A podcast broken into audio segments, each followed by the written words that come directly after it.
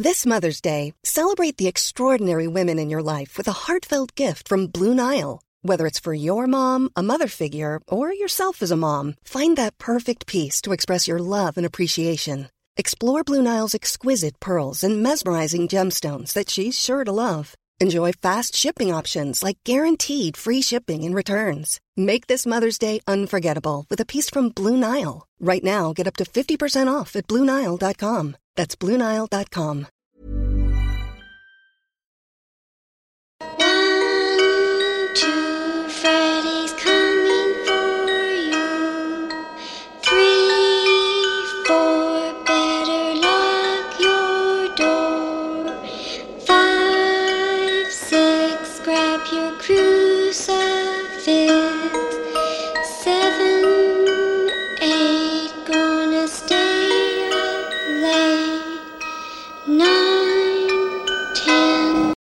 Välkommen till skräckfilmscirkeln. Eller ska vi säga mardrömmarnas värld idag.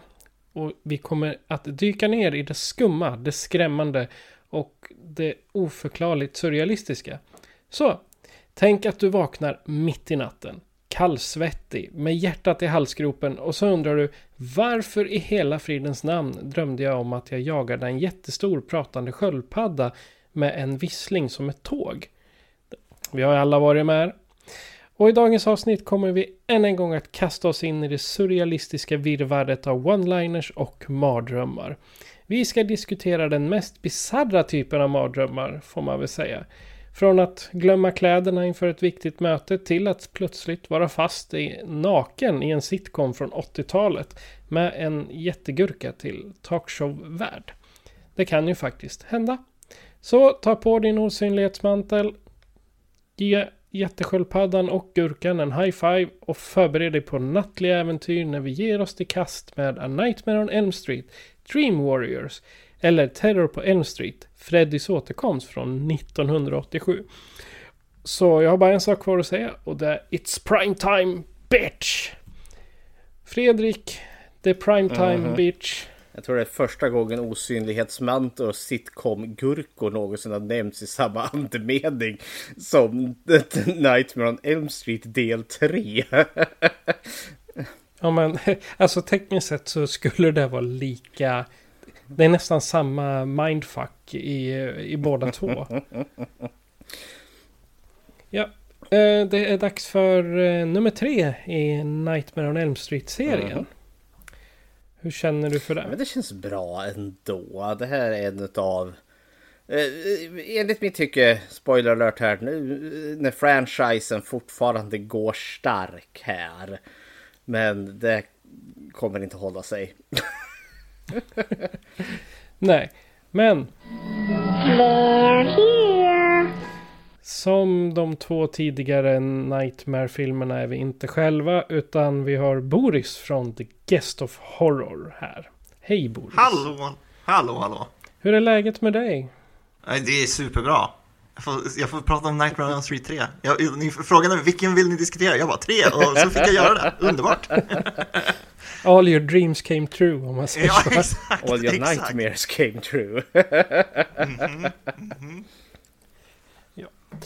Eh, I vanlig ordning tänkte jag vi skulle prata om eh, vad vi har sett sen sist. Och det var ett bra tag sedan vi var, hade med dig Boris. Så har du sett något spännande sen vi pr- pratade sist? Ja, alltså jag svär att typ, om man skulle titta, gå in på min letterbox och bara se min så här diary, det verkar som att det är en galen person som, som eh, ja, äger den sidan nu. För jag har hamnat i två olika hål. Eh, Ett av hålen är att titta på typ skräckfilmsuppföljare som jag inte har sett tidigare. För att jag är jättedålig egentligen på att se uppföljare. Förutom alla de här jättekända liksom, serierna som det finns jättemånga av. De har, jag oftast sett eh, de flesta av. Men så här, jag eh, tittade på um, min watchlist på Letterboxd och bara så här, jag har alla Scanners-filmer här. Jag har inte sett en enda förutom, förutom första. Eh, och så nu har jag sett Scanners 2 och 3 i helgen. Eh, Scanners 3 tyckte jag om väldigt, väldigt mycket.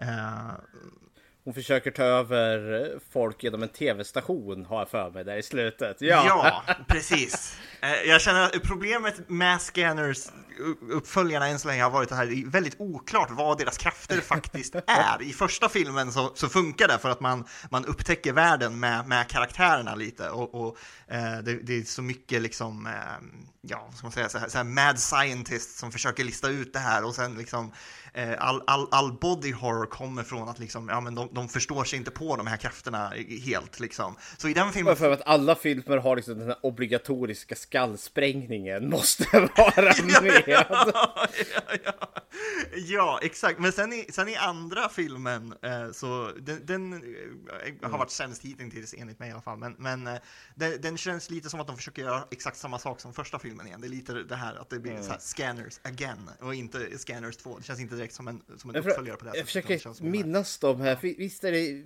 Ja, för, t- ja, men jag håller med. Tvåan var ganska paint by numbers och lite så här företagstriller också. Stoppa något ont företag. Ja. Men trean är ju mer skräckfilm. Jag för mig inte den som inleder med att de råkar skicka ut jultomten från högsta våningen. Ja, exakt. Så, så att eh, trean är i princip vad jag ville att Scanners 2 skulle vara. Där det var så här typ, eh, i den här, okej nu vet alla att det finns scanners. Folk använder sina scanning abilities som typ partytrick. och så här, hela, det är typ en komedi. Alltså det, är- det är en väldigt, väldigt märklig film, men jag hade, jag hade väldigt kul med den. Eh, och eh, det, det jag tycker tvåan gör lite fel, det är det här att, att eh, det, krafterna är så diffusa, men ändå så vill filmen att vi ska ta det seriöst. Och sen är det så här, okej, men nu helt plötsligt, det här är ju någon form av mind control och sen helt plötsligt så här så scannar de folk som inte är i samma rum. Hur fungerar det? Jag trodde det här var någon form av hypnos, det är tydligen något annat i den här filmen. Och sen i trean så går de lite mer buck wild med det och säger så här, okej, de kan göra i princip vad, vad en manuset behöver att de gör, de kan göra det. Uh, och det är väldigt, väldigt underhållande. Jag skulle kanske inte säga att det är en det är liksom en, en topp 10, 10 av 10 film, men den var väldigt, väldigt underhållande. Så det är det ena hål- hålet jag har ramlat ner i. Det andra hålet är Nicolas Oj! Cage-hål. ja. Så det är bara så här, det är bara så här scanners, sen är det så typ tre Nicolas Cage-filmer, sen scanners, sen mer Nicolas Cage. Ja, du börjar sätta Nicolas Cage på ansikte på dina foton hemma också. Jag har sett eh, TikTok-videor, de sätter Nicolas Cage istället för sina släktingars ansikten. Nej, det känns osunt.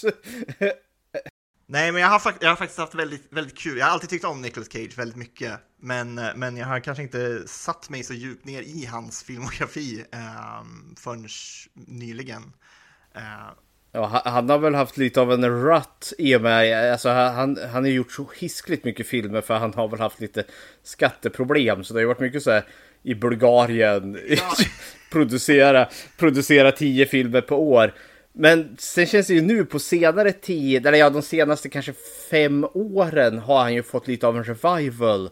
Med de här filmerna som Mandy och Color Out of Space. Ja, det, det är det som är så väldigt fascinerande med hans, med hans karriär, för att han, han ändrar sig alltid. Alltså så här, typ efter no- fem, sex år så är det en ny version av Nicolas Cage som kommer ut. Så nu lever vi i den här genren, liksom så här skräck och typ eh, action, så här väldigt blodig action, typ eh, revenge thriller Cage.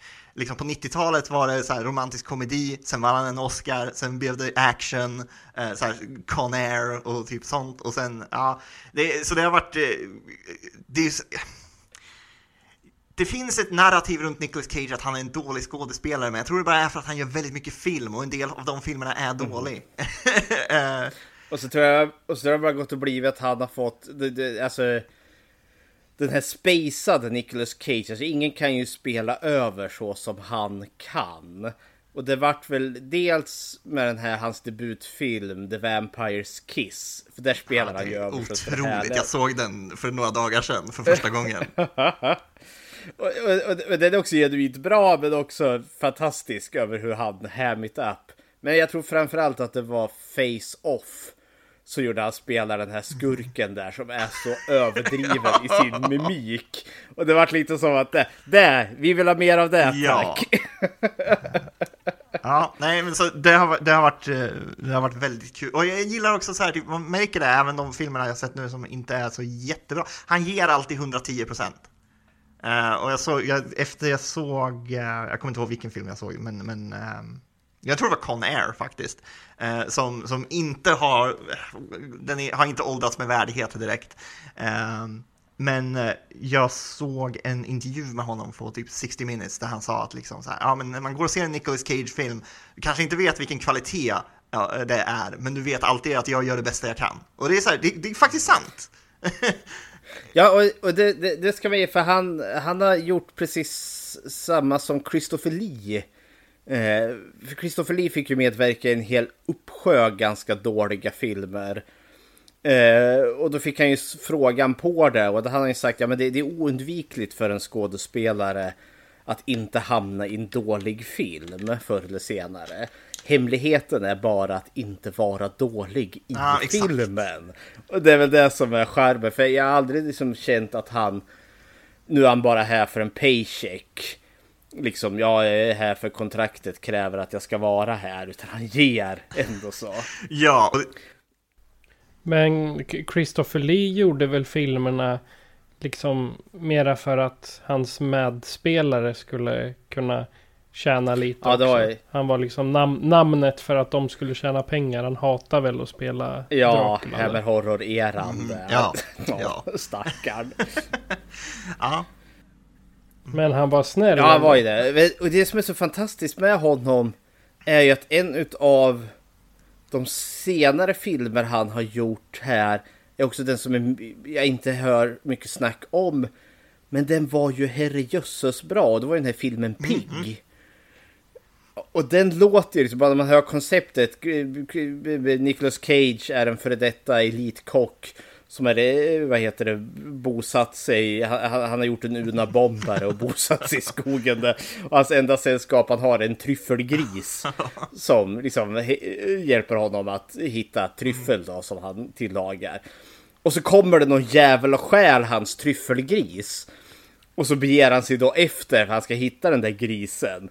Och när jag hörde det där liksom, det, det här lät ju som John Wick fast med Nicolas Cage på jakt efter sin gris. Och där, man förväntar sig bara liksom det överdrivna Nicolas Cage, Where's my pig? När han liksom slår in ansikten på onda kockar eller något sånt där.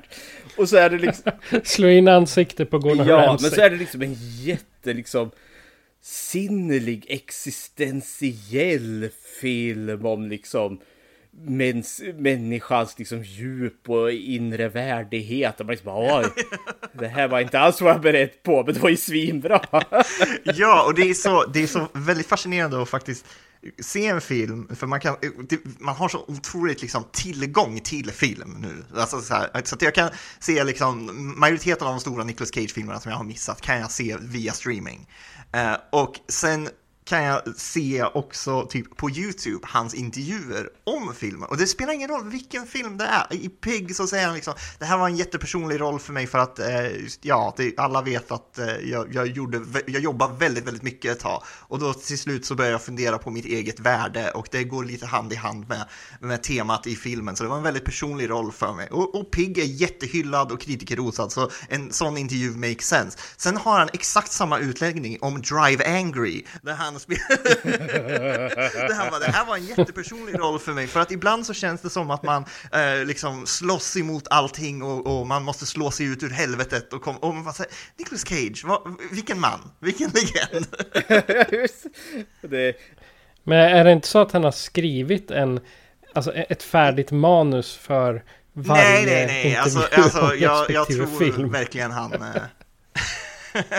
Han, han tar de här rollerna så, så personligt trots att det är, trots att det, ja, Mhm. vilken kvalitet den är. Eh, vilket, han, han, är, han är en briljant galning. ja, exakt, exakt.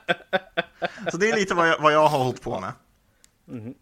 Eh, Bara för att vi nämnde Scanners innan, så te, har, har du koll på att det finns en spin-off franchise? Ja, den? så det är nästa, det är nästa.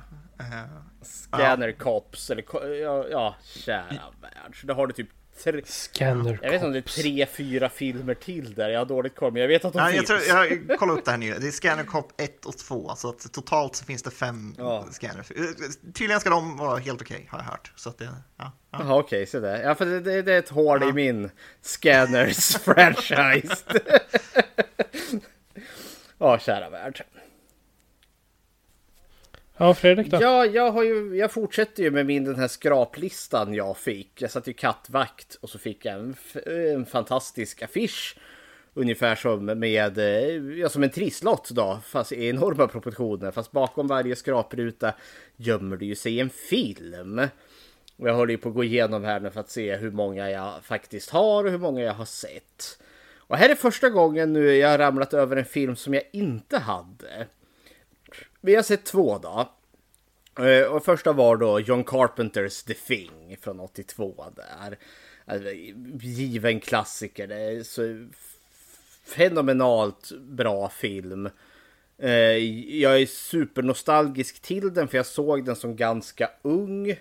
Bara musiken gör att jag liksom rusar bakåt i tonåren, ögonen bums.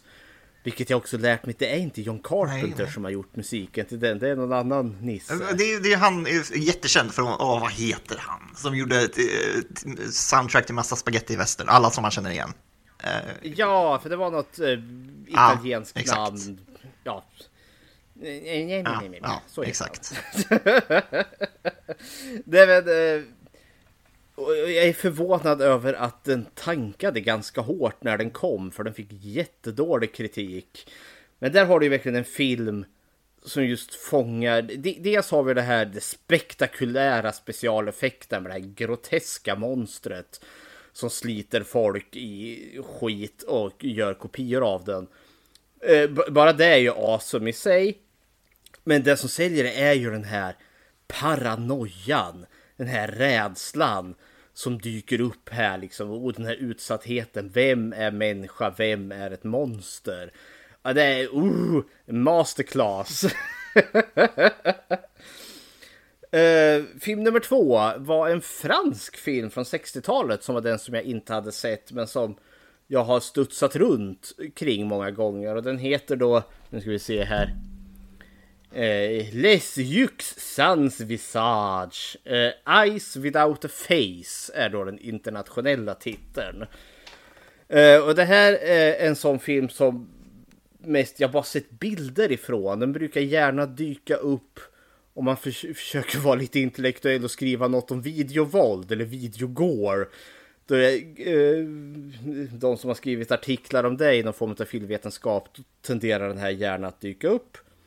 För då får man se, då är alltså oftast bild av en kvinna som har fått sitt ansikte avskuret och så håller de på och liksom lyfter av hennes skinnflådda ansikte. Oj oj oj.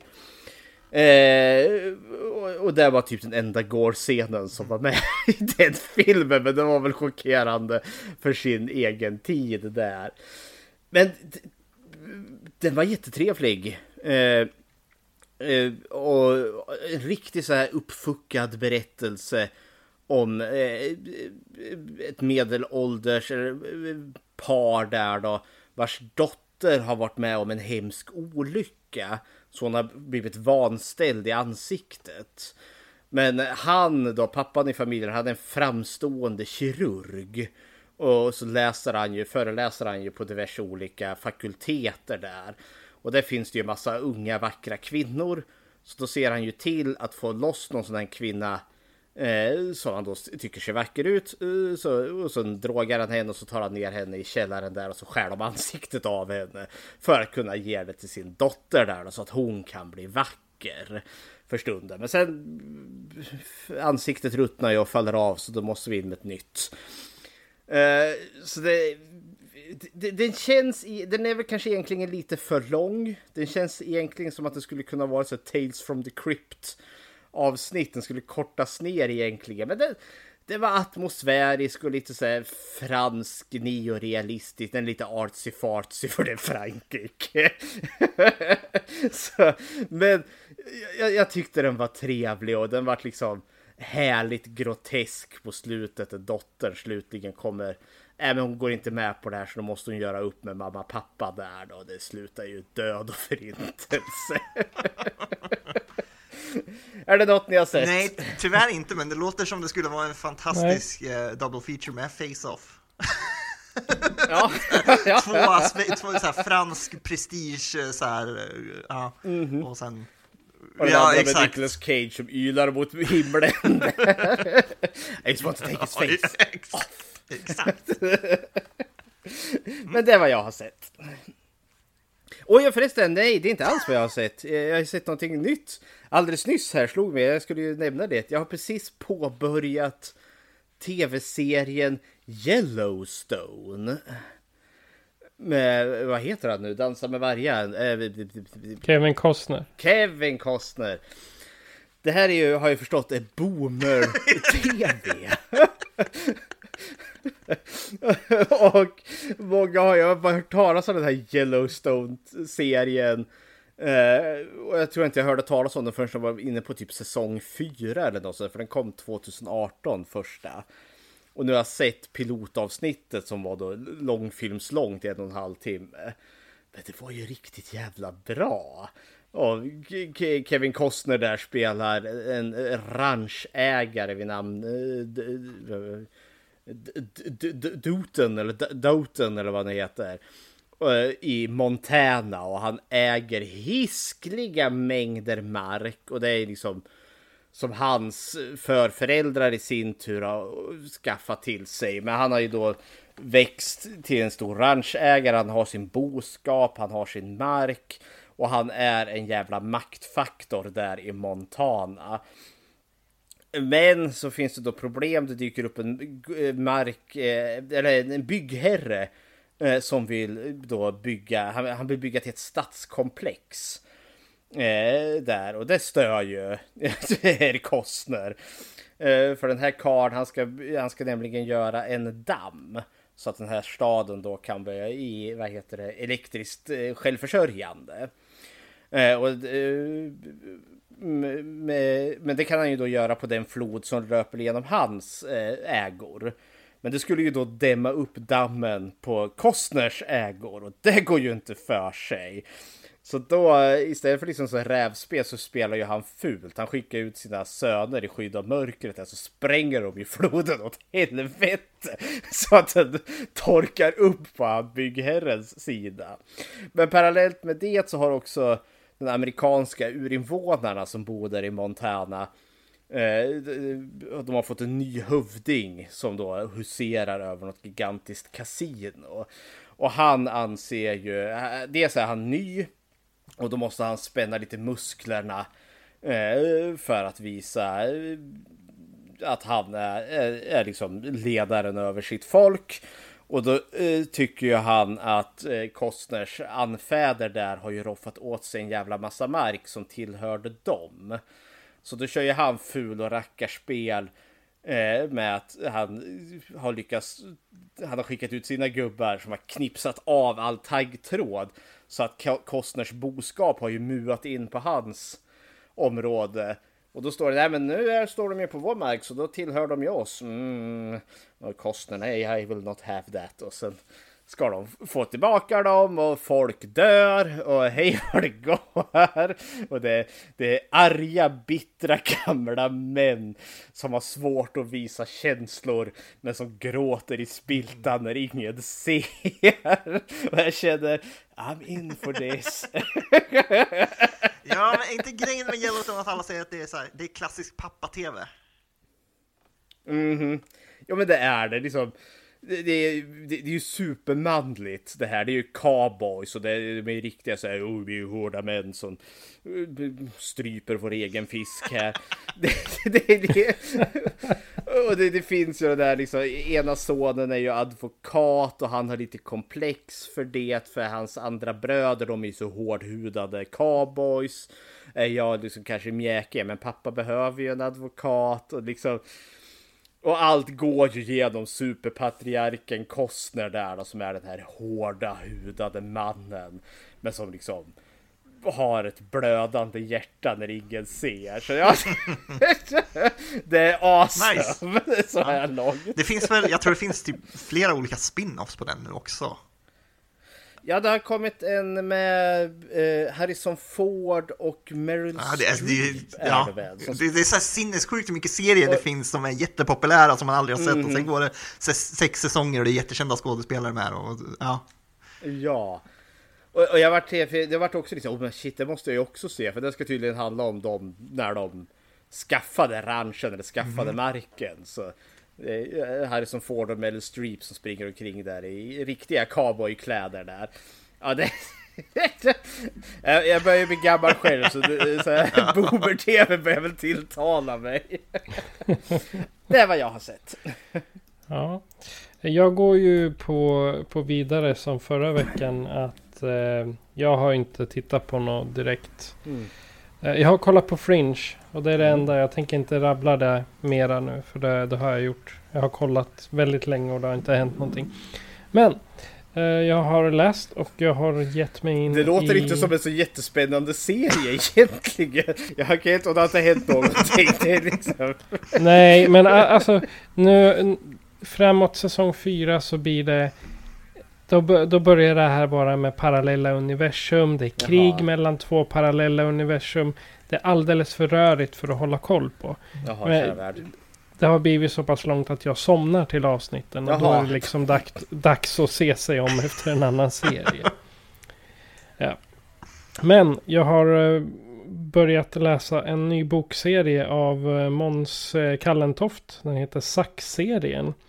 Och i, igår så läste jag ut en bok som heter Bambi. Och då är handlingen att är en midsommarfest i skärgården så kommer polisen dit och hittar döda kroppar över blodiga klipphällar. Jag läser från baksidan. Eh, kriminalinspektör Zack Herry har äntligen fått ordning på sitt trasiga liv. För han eh, är gammal knarkare. Och har förlovat sig med sin flickvän. Men i den här utredningen så eh, tar den honom djupt ner i människans värsta mörker. Och Zacks värld rasar åter samman. Kan han komma upp till ytan innan fler människor måste dö? Så i det här, Bambi är i själva verket en drog som gör att eh, dina hämningar försvinner. Så där de här ungarna gör i början av boken är att de, eh, de tar någon, eh, något piller för att de är ute och firar midsommar. Och sen eh, den ena kör en plastkniv i ögat på den andra. Och så är det någon som grötar runt en glasskärva i halsen. Och Ja, och de tror ju först att det är ett hemska mord som har hänt. Men det visar sig att de har gjort det på, på varandra. Så, och den, den är fantastiskt spännande. Den boken. Det är något jag kan eh, rekommendera vad gäller eh, spänningsförfattare. Det är Måns Kallentoft. Och, och, och, och, och han har skrivit det tillsammans med Måns Kallentoft och Marcus Lutterman. Mm. Är det, som skriver Sax-serien. Så det är böcker jag kan rekommendera. Men eh, tv eller film, då har jag inte tittat på någonting. Ja. Men då... då... Kallentoft där, jag vet syrran min läste mycket av honom. Mm, Eh, ganska framgångsrik författare där. Men jag tänker just när du läste upp plotten där liksom hur Varför slår det där aldrig fel liksom? Deckaren som är på dekis. Det är också så en kliché. Det är alltid så här, nej men, jag men, allt från Rolf Lassgårds liksom Wallander där som sitter och krökar lite när ingen ser. Eller, Deckaren som har sett för mycket och är nu liksom Ja, Beck, han är inte mycket bättre. Nej, ta en liten stänkare med grannen där. Ja. ja, men det, det räcker ju att gå... Ja, men ta... Vad, vad heter han då? Den här... eh, Fan vet den? Han är ju också... Mm. Eh, han har ju också något problem med släkten eller något. Så att den här bästa polisen är den som mår sämst kan man säga. ja, kära värld. Ja. Men eh, dagens eh, roliga mardrömmar är ju då den tredje filmen i serien av Nightmare on Elm Street. Boris ska få inleda med sin origin story till, till terrorn på Elm Street innan vi går in på själva filmen. För det har alla andra gäster fått gjort. Så ja, Boris, när ramlade du på Nightmare för första Eh, gången? Det var, gud, 15-16 år sedan. Eh, Jag, jag såg, Nightmare var den av de stora så här skräck, och eh, liksom, serierna av filmerna. Det var den jag kom till sist. Jag såg eh, Fredag den 13 och Halloween först.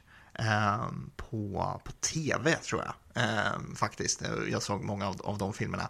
Eh, och sen eh, började jag få upp så här, okay, vem är den här Wes Craven? Började dyka upp, hans namn började dyka upp i så här filmer jag ser. Och det var ett av de första namnen jag, jag la märke till, även innan så här John Carpenter tror jag. Um, trots att han, han stod väl med i varenda Halloween-film eh, uh, som eh, ja, story credit eller based on characters. Han var inte så involverad efter första och andra. Men um, av någon anledning så var Wes Craven, jag tror också för att han har så jävla dundernamn för skräckfilm.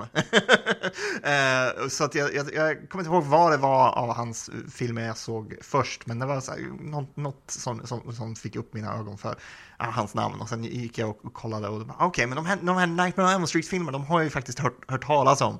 Eh, men jag, även, även då så, så var inte det någonting som, jag vet inte, jag bara antog att den här serien av filmen inte skulle vara för mig, för jag var aldrig jättemycket för typ så här övernaturliga saker. Eh, och, och, och eh, jag, tror, jag tror väldigt mycket av det jag först tyckte om var typ så här slashers eller så här backwoods horror, typ sådana filmer. Så att jag, jag tror jag först såg typ hans liksom eh, Last House on the Left och sen eh, Hills of Ice och sen, eh, bara okej, okay, men jag tycker verkligen om den här regissören, nu ska jag se Nightmare on Elm Street. Och sen var det dumt att jag inte såg den först, för det var ingen dunderfilm. Eh, eh, och eh, det fick mig eh, då, ja, jag, jag, såg väl i princip hela filmserien på kanske typ en vecka eller någonting. Och, och eh, tredje filmen var den som verkligen stack ut eh, för mig av, av uppföljarna. Jag tror fortfarande att när jag, när jag tänker på hela Nightmare on Elm Street serien av filmer så är det de som Wes Craven är involverade i som, som jag har starkast koppling till. Eh, eller som jag, ja, som jag har sett mest och, och som jag känner är, är bäst. eh, det betyder inte att alla andra filmer är dåliga, men, men det, är då, det, är de jag, det är de jag har eh, starkast koppling till. Och eh, jag tror att film nummer tre det var då jag sa typ så här, okej okay, jag fattar det här, jag fattar varför Freddy är en så stor ikon. Ehm, men, men eh, ja, det, det, är så, så att det är väl den av uppföljarna jag har sett, sett mest. Uh, ja. Ja, det är väl... Det är väl, alltså, det är väl ingen hemlighet. Det är ju film 1, 3 och West Cravens New Nightmare som Craven har varit involverad i. Och det är ju regel de som gärna hamnar högst upp i rankinglistan. ja, och jag tror vi kan prata om det lite senare, men jag tror att han han skapar ju karaktären, men det känns också som att mm. ingen direkt förstod sig på Freddy Krueger som eh, Wes Craven gjorde, att det, det, ska finnas det här liksom, lite roliga, men, men främst så bör det finnas det här rätt så eh, liksom makabra roliga i hans karaktär. Han, mm. som, som, ja, jag, jag vet inte. Det, vi kan komma in, i det, in till det, i det här lite senare kanske. Jajamän. Ja men då så, tack så hjärtligt. Ja, ja take it away Patrik.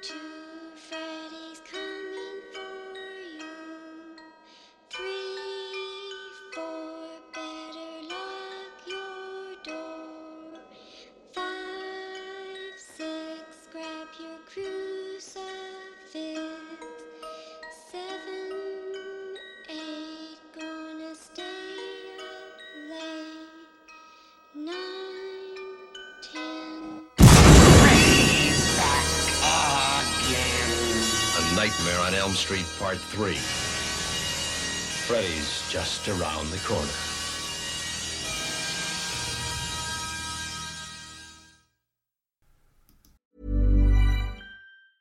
A lot can happen in three years, like a chatbot may be your new best friend. But what won't change? Needing health insurance. United Healthcare Tri Term Medical Plans, underwritten by Golden Rule Insurance Company, offer flexible, budget friendly coverage that lasts nearly three years in some states. Learn more at uh1.com. I'm Sandra, and I'm just the professional your small business was looking for. But you didn't hire me because you didn't use LinkedIn jobs. LinkedIn has professionals you can't find anywhere else, including those who aren't actively looking for a new job but might be open to the perfect role, like me.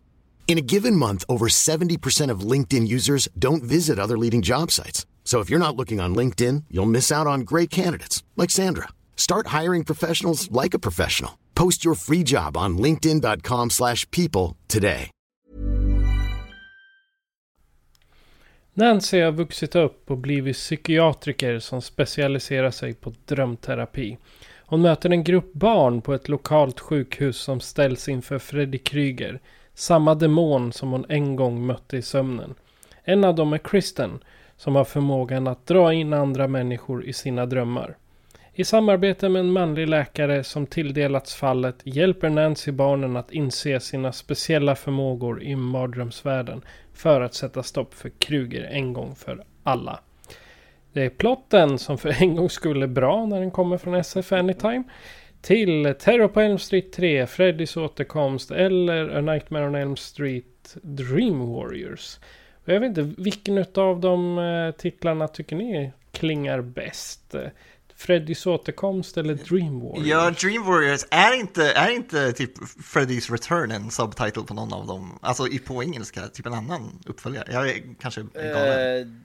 Eh, ja, det var en bra fråga. Är det, är det, nej, i fyran är ju Dream... Ja, det det kanske är jag som har helt fel, men eh, Dream Master och sen är det femman då eventuellt? Nej, det är Dream ja, Child. exakt. Vi har Freddy's Revenge i tvåan. Där vi inte Ja, det är Freddy's Revenge förklar- jag tänker på. Ja, Ja, okej. det, är, det är ingen förklaring till vad, han hämnas på. Nej, det, det make ingen sense. Nej, okej. Ja. Men eh, Boris, har du några grundläggande tankar om Terror på Elm Street? Ja, 3? eh, jag tyckte om den här filmen väldigt mycket den första gången jag såg den. Har sett om den några gånger, kanske inte lika mycket som originalet, för det är en av de här filmerna som, som går i rotation som, som The Thing eller Halloween eller något sånt här. där Jag ser om den var, varannat eller var tredje år eller något sånt här. Men eh, jag tror att det är nog uppföljaren jag tycker om mest. Eh, jag, tror jag skulle vilja tycka om New Nightmare mer för, för att konceptet är så wacky. Men, men eh, eh, ja, det, det är den bästa uppföljaren, men det är definitivt en film som desto mer jag ser om den, desto mer så mm, jag vet inte om man ska säga att den har åldrats eller, eller vad, men det finns lite saker som kanske är lite, lite hokey i den. Men eh, den är väldigt, väldigt underhållande på ett, på ett sätt som många 80-talsfilmer är. Ehm, och jag gillar hur mycket den, den blandar lite genrer. Det känns som att den, är, den har liksom hälften av sitt DNA i liksom så här The Goonies eller Lost Boys eller något sånt där. Liksom ensemble, unga människor, misfits som slåss mot det onda. Och sen har den fortfarande den här West Craven-känslan av att den är så himla, himla makaber. och, eh, och dödsscenerna är så alltså verkligen fruktansvärda. Den första scenen när, eh, första dödsscenen eh, där liksom Freddy styr en, en, eh, ja, en, en pojke med, med hans, ja vad säger man, typ muskler och, och ådror och skit. Ja, Ja, hans scener har jag alltid tänkt att det han Ja, exakt, ut och det- och använder den som en marionettdocka. jag uppskattar hur helvild filmen är. Eh, och då, det känns som de verkligen så här fick eh, de, de, det, det, det fick de säkert inte, men det känns som de fick lite carte blanche. Att så här, gör, gör vad ni vill. Okej, de, den här filmserien är populär. Ni, ni kan göra vad ni vill. Ni, här får ni er budget. Eh, och eh, det, det uppskattar jag väldigt mycket med filmen. Fredrik? Ja men eh, jag säger nog lite som Boris att eh, den här filmen stack ut för mig. Alltså det, av uppföljarna så är det nog den här jag uppskattar bäst. Och det är väl lite också för att här kanske de också får fast i formulan. Liksom, vad är terrorn på Elm Street? Eh, för film nummer två visste inte riktigt vad den var. Den är härlig men på sitt sätt. Det här känner jag också är ju också den då det fortfarande är genuin skräckfilm där komedin inte är så närvarande. Eh, även om det finns lite med hur, hans fantasifulla sätt att ta livet av ungdomarna och han har ju lite one-liners och sådana saker. Men jag gillar också för att ja, dels har jag en viss nostalgi till den här, för jag gick ju runt som barn i hyrvideobutikerna när de fortfarande fanns.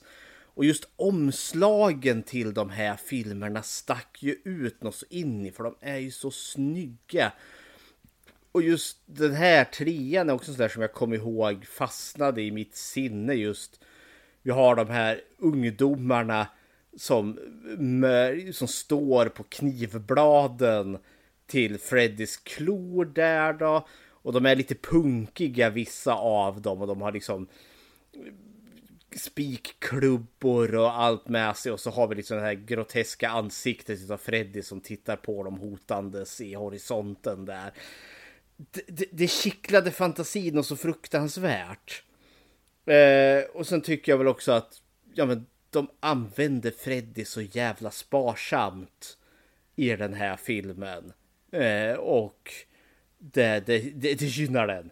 Det, det här... Eh, allt kommer ändras med nästa film. Nej men eh, jag, av eh, de tre första är de som liksom håller jättehög klass och jag tror nästan att det är trean jag uppskattar bäst i hela franchisen. Så hepp hepp. Patrik? Ja, trean är ju den av filmerna som jag såg först. Om jag inte minns helt fel. Och den är väl inte sådär superbra ur ett filmanalytiskt perspektiv. Men däremot tycker jag den är en eh, ruskigt underhållande film. Och jag återgår till det jag brukar säga, det är en öl och chipsfilm. Den här tittar du inte på med eh, ögon som ska re recensera en uppsättning på Dramaten. Utan den här kan du fram med ölen, fram med chipsen och sen samla ihop ett gäng och bara titta på den. Den kan du ha som en double bill tillsammans med ja, typ Halloween 3 eller någonting. Och bara göra det allmänt eh, roligt av det. Inte för att Halloween 3 är sådär jättekul men, men ändå. Det blir något annorlunda. Så att den här är ju inte min, inte min favorit men den duger för ja, om man bara ska vila ögonen på något och vill ha in Freddy i det hela. Men eh, vi har lite annorlunda karaktärer i den här. Har du något, någon tanke på uppbyggnader av den här? Vi hugger väl lite. Vi har ju dels, vi har ju vårt ungdomsgäng. Vi har en ganska stor ensemble karaktärer här. Men vi har ju vårt ungdomsgäng ledda utav då eh, Nancy och doktor eh, Neil. Eh, är ju våra filurer. Och sen har vi ju lite andra karaktärer. Vi har ju Nancys pappa kommer ju tillbaka. Vi har eh, Max Lo eh, Morpheus från, eh, vad heter det? Eh, mm. Krediterad som Larry Fishburne, då man vet att man ser en gammal film, när, när Lawrence Fishburne är Larry fortfarande. Ja. Nej men vi hugger väl våra ungdomar här till att börja med och vi kan väl köra Kirsty först våran, eh, för det är henne vi blir introducerad till först om inte annat. Mm. Patricia Arquette. Eh, jajamensan. Det är inte en okänd människa det heller. Väl, väldigt ung Patricia Arquette. Mm -hmm. Nej men hon... Ja, men jag tycker, och det är lite kanske som jag kommer ge till hela det här ungdomsgänget, att de lyckas fånga det här, ja men den trasiga ungdomen, den traumatiserade. Eh, för de är ju terroriserade bortom vett och sans som att Freddy är efter dem. Eh, men de lyckas balansera den här skörheten med att liksom vara så jävla slutkörda och liksom så på gränsen liksom till, till undergång. Men samtidigt är de också starka. Det är som filmen själv säger, de är överlevare. Och jag tycker filmen lyckas fånga det ganska väl. Och I hela den här ensemblen utav karaktärer. Men, men Kirsten är väl kanske den som är den kanske lite mer jordnära. Hon har med båda fötterna på jorden. Hennes... Jag tänkte precis säga hennes känsloutryckningar är inte så stora, men sen slog det mig. Hon gapar ju och skriker i höga skyn när de ska söva henne och sparka Lawrence Fishburne i, i ballen så det härliga till. Nej men, ja, mina spontana tankar kring Kirsten där. Ja, jag tycker hon är en, hon är en väldigt eh, bra, vad ska man säga, efterträdare efter eh, Nancy. Eh, det finns mycket, eh, det, precis så här, det finns mycket paralleller mellan dem, men ändå finns det nog som gör Kristen som, till en Uh, ja, alltså det känns som en ny karaktär, det känns inte bara som de skriver om uh, Nancy igen. Uh, och jag gillar att, eh, och det gör den här filmen bra överlag, att den liksom, den, den sugarcoatar inte direkt att de är liksom troubled mer än att de har Freddy efter sig, utan att eh, det är ju liksom första scenen eh, där varför, varför Christian hamnar på det här, på det här hemmet med, med de andra. Eh, att eh, ja, Freddy skär ju henne men hennes mamma tror att det är hon som har självskadat. Och det är väl lite eh, vad ska man säga, införstått att det kanske har hänt förut. Eh, och eh, jag, jag gillar verkligen den aspekten med, med alla de här karaktärerna, att, att deras, vad ska man säga, deras svårigheter, det, det, det, det, är de, det, det, anledningarna till varför de är där eh, på det här hemmet, det känns liksom verkligt. Det känns inte på något sätt som att de eh, ja, vad ska man säga? Jag, jag, jag, menar, jag, jag antar att det jag säger att det, det är liksom believable. uh. De hade kunnat varit där. Vi hade kunnat haft en film utan Freddy.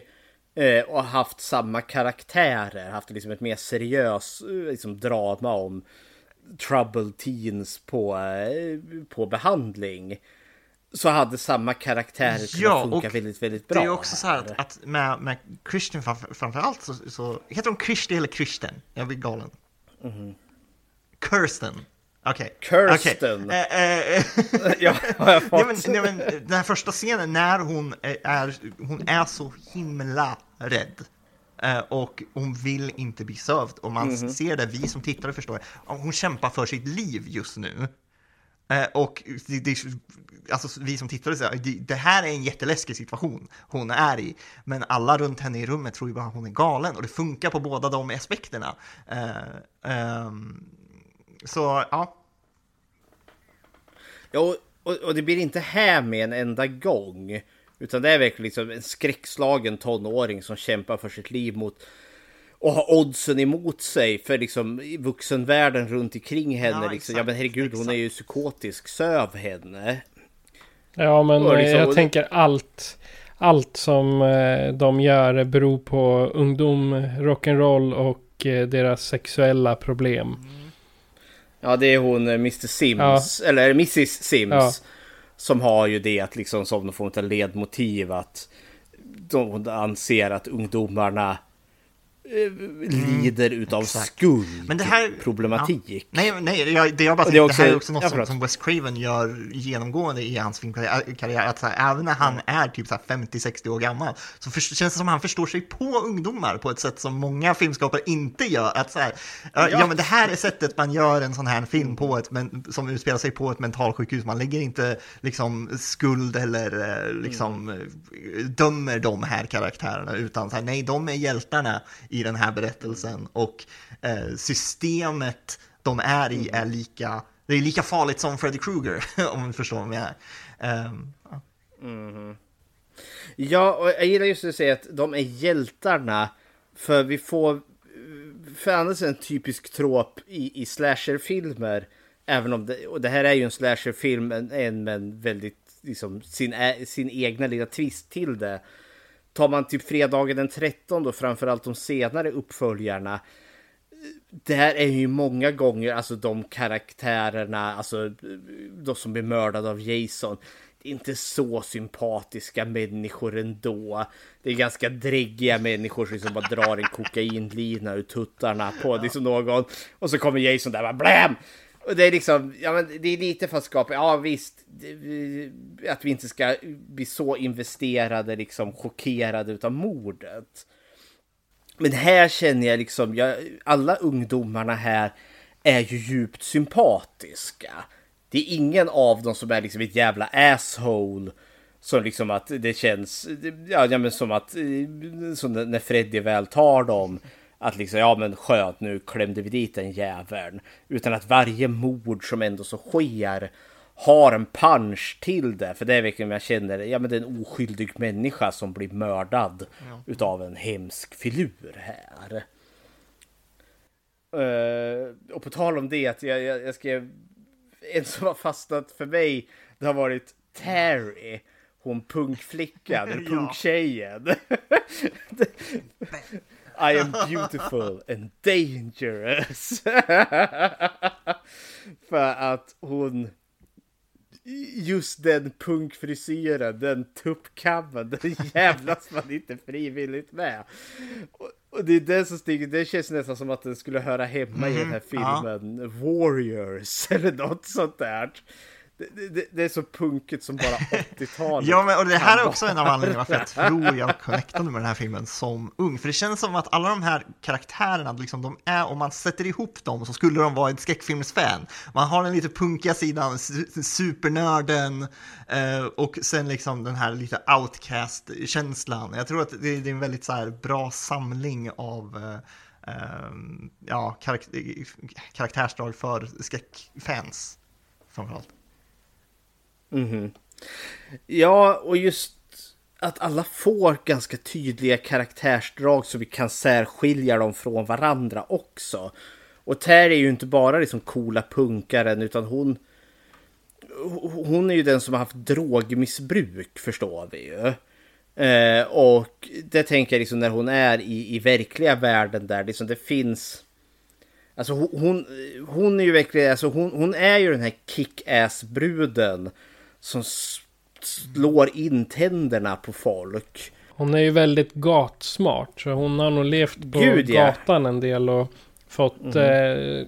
Eh, hos henne finns det inga föräldrar. Jag tror snarare att hon har fått eh, klara sig själv genom, genom livet. Mm. Ja, åtminstone föräldrarna har ju varit med och tagit livet av Freddy när han fortfarande levde. För det här är ju de sista ungdomarna till de föräldrarna får vi reda på. Men just det, för att hon ändå så är den här, ja, men sån här gatusmarta kick-ass-bruden som har fått lärt sig att ta hand om sig själv och har levt liksom i Springwoods liksom shady del. Eh, och nu är, för hon är liksom i verkliga världen, hon är jävligt hunsad känner jag. Och hon är så jävla rädd eh, och liksom, ja, hon känns fragil väldigt mycket. Och så har vi den här den otäck vakt där då som försöker få henne att eh, jag vill gå in i apoteket med honom och knarka lite. Hon, eh, hon är så lustig på det sättet för hon känns liksom för mig. Hon känns otroligt liksom sårbar i den verkliga världen. Men sen i drömvärlden är ju hon den som jag skulle ställa mig bakom för hon är musklerna där. Jag vet inte, hon, hon har alltid tilltalat mig av något atletik. Och så har vi ju Jennifer, primetime tjejen. uh, vad tyckte du om henne? Ja, hon är väl kanske den man får lite mindre tid med. Hon dör rätt så tidigt. Det, det finns ett rätt så sorgligt ögonblick när hon säger att hon, ja, hon vill vara skådespelare och till och med i den här gruppen Outcast så liksom skattar de nästan åt henne lite. Eh, inte, eh, inte helt menat på ett elakt sätt men lite mer så här, äh, nu ta ner dina drömmar liksom på världen typ lite så här och det är någonting väldigt sorgligt i hennes, uh, hennes karaktär uh, och sen öde och det är det här jag menar med att, att det jag uppskattar med filmen är att den, den inte, den, den, vågar också, den ha, är så heartfelt på många sätt med de här karaktärerna, men den vågar också vara elak. Eh, för hon är ju den som får den här repliken, Welcome to prime time bitch, och sen slänger Freddy Krueger hennes huvud genom tv-rutan. Hon som ville vara skådespelare, som var väldigt snäll och liksom eh, inte ville någon ont. This is your big break in TV! Ja, och så bara ja, in i exakt. tv-rutan. Penelope Sudrow som eh, spelar henne, hon eh, gjorde inte sådär jättemycket heller. Eh, hon var väl, eh, hon gjorde bara 24, 24, eh, vad heter det? 24 insatser vad gäller skådespelare sista gången 2009. Så ja, hennes primetime den blev aldrig av. Men den var otroligt minnesvärd. Ja, verkligen. ikonisk på det sättet. Verkligen. Nej, men, Men- Jag håller med vad du säger där Boris, för hon är väl kanske den som känns... Alltså, hon, hon är väldigt tragisk från start medan Terry får ju ändå så liksom sitt power moment. Hon får ju till och med slåss mot Freddy där eh, innan hon dör. Eh, Medan hon känns liksom... Ja, men, jag, jag tycker synd om henne från start. Ja. och, men samtidigt eh, också är jag hela tiden sympatisk. För det, hon hade lika gärna kunnat vara, hade det varit en annan typ av film så hade ju hon varit divan som kom där. Oh, det är jag som är den stora skådespelerskan. Med, med, med. Så hon var osympatisk. Så då hade det liksom, när Freddy ger henne hennes big break där, då hade det mer varit liksom ett haha, där åkte du på att. Medan här blir det ganska groteskt. Samtidigt som det är liksom makabert roligt på något vis och vänster. Istället för att det liksom blir en aha, då åkte du på att. Så blir det liksom både och. Ja, det åkte de på att. Men det var ju lite sorgligt för hon var ju väldigt tragisk karaktär. och lika där med, tanke på en som inte får lära känna så mycket. Det är ju han Philip med marionetterna. För han är ju den första att dö. Bradley Gregg. Där. Ja. Och det är väl också lite så där kanske. Man får inte riktigt lära känna dem så väl. För de åker på det ganska snabbt.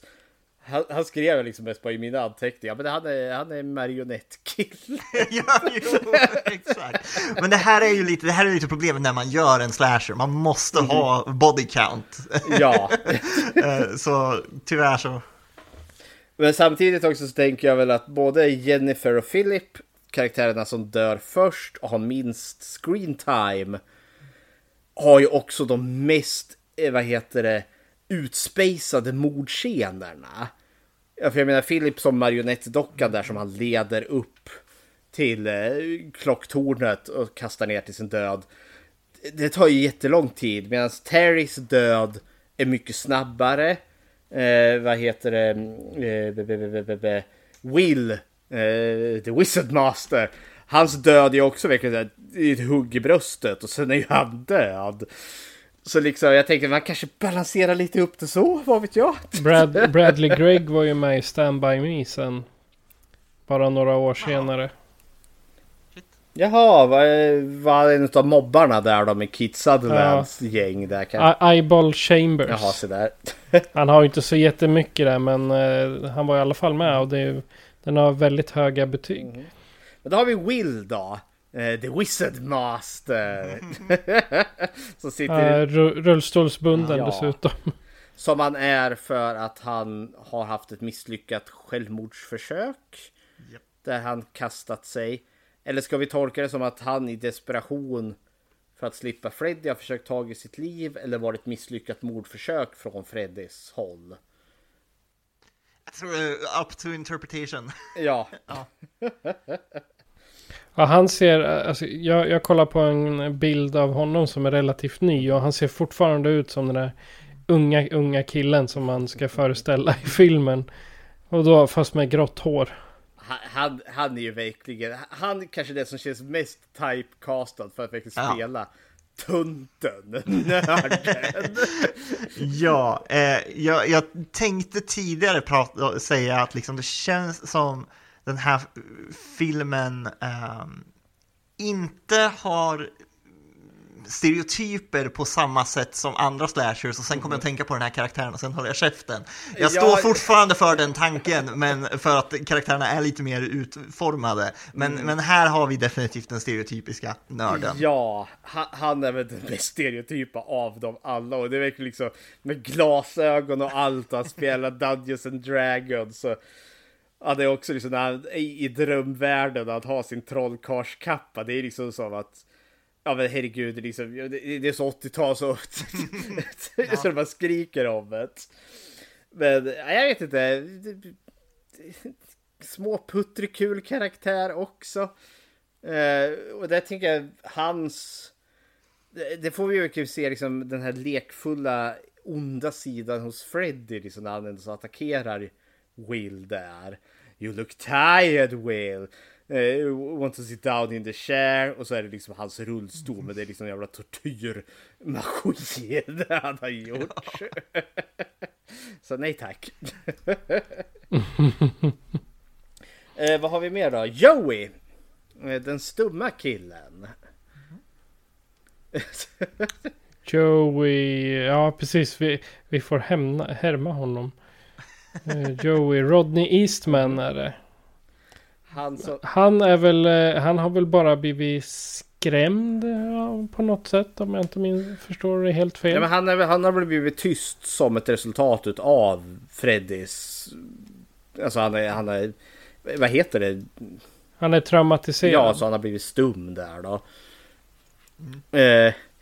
han, han har jag skrivit, han är the pretty boy. Alltså han är, ja. han är den söta killen. Och det är, som oftast, och det, det, det är han som i regel liksom får förknippas till sexualitet. Eftersom att han är den som... Eh, ja, men han, är, han är ju lite betuttad i hon eh, sjuksköterskan där. Och får en rejäl lapdance också. Jajamensan. eh, när Freddy snärjer honom där sen. Eh, jag trodde, när jag såg den scenen, för han ser väldigt ung ut i den här filmen. Han var 19, men eh, jag tänker...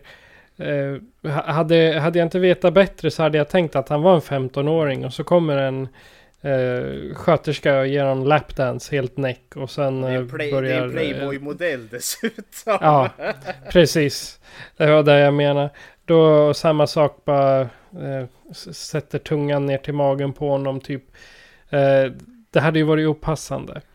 Men jag tycker ändå det. Han, är, han ser fortfarande ut som en pretty boy idag ska jag säga. Och han är närmare 50. Han har ett, 60. Han har ett väldigt pojkaktigt utseende. Jag kommer alltid, alltså första gången man får se honom. Det är på sjukhuset där så tittar han ut. För han vill.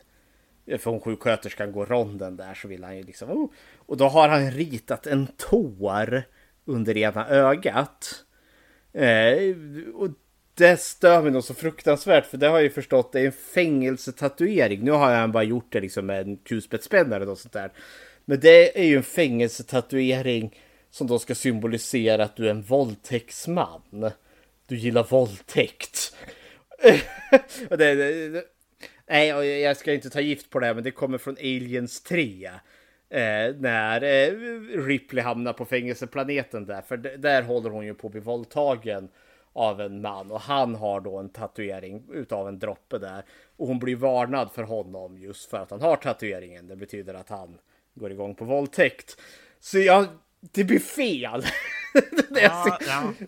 För Joey upplever jag att han är lite söt och lite oskyldig. Men så kommer han upp där och ska vara lite liksom, kanske liksom flörta lite henne med våldtäktstatuering. Den här tårtatueringen, på ett sätt så känns det kanske något, som något en 15-åring som vill verka cool har sett, ja ah, okej okay, det här har coola snubbar så jag gör en så här och inte förstår eh, vad det betyder. Men sen också så kan det vara någon kostymdesigner på filmen som, som, som, som har exakt samma sak. Ja, alltså det tolkar jag det också. Han vill ju styla upp sig lite för henne där då, för han är så betuttad i henne. Men sen gillar jag också lite så här reversal utav könsroller, för det är ju han som Freddy tar och håller som gisslan. Han blir ju lite the damsel in distress.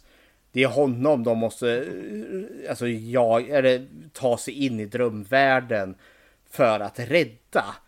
Och det är lite, ja, i dessa könsmedvetna tider som vi lever i så är det en förvånansvärt liksom trevlig fläkt. För annars hade det varit en kvinna som Freddy hade. Det hade varit Kirsten som han hade tagit eller något sånt där.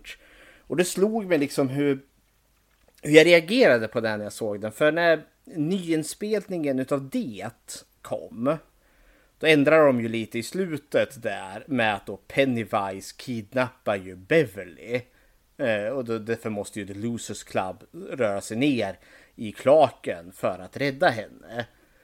Och jag kommer ihåg att när jag såg den på bio första gången så vart jag liksom trött. Nej, självklart den enda tjejen i gruppen och det är hon som blir kidnappad utav boven. Och jag reagerar lite på det och då reagerar jag samtidigt här då. Okej, det, det, är inte tjejen i gruppen utan det är en kille i gruppen som nu blir knuten till järnvägsspåret så att säga. Ja, men jag tror också att det här är en sån här sak som får mig att uppskatta filmen väldigt mycket för att man märker hur mycket de här ungdomarna verkligen bryr sig om varandra.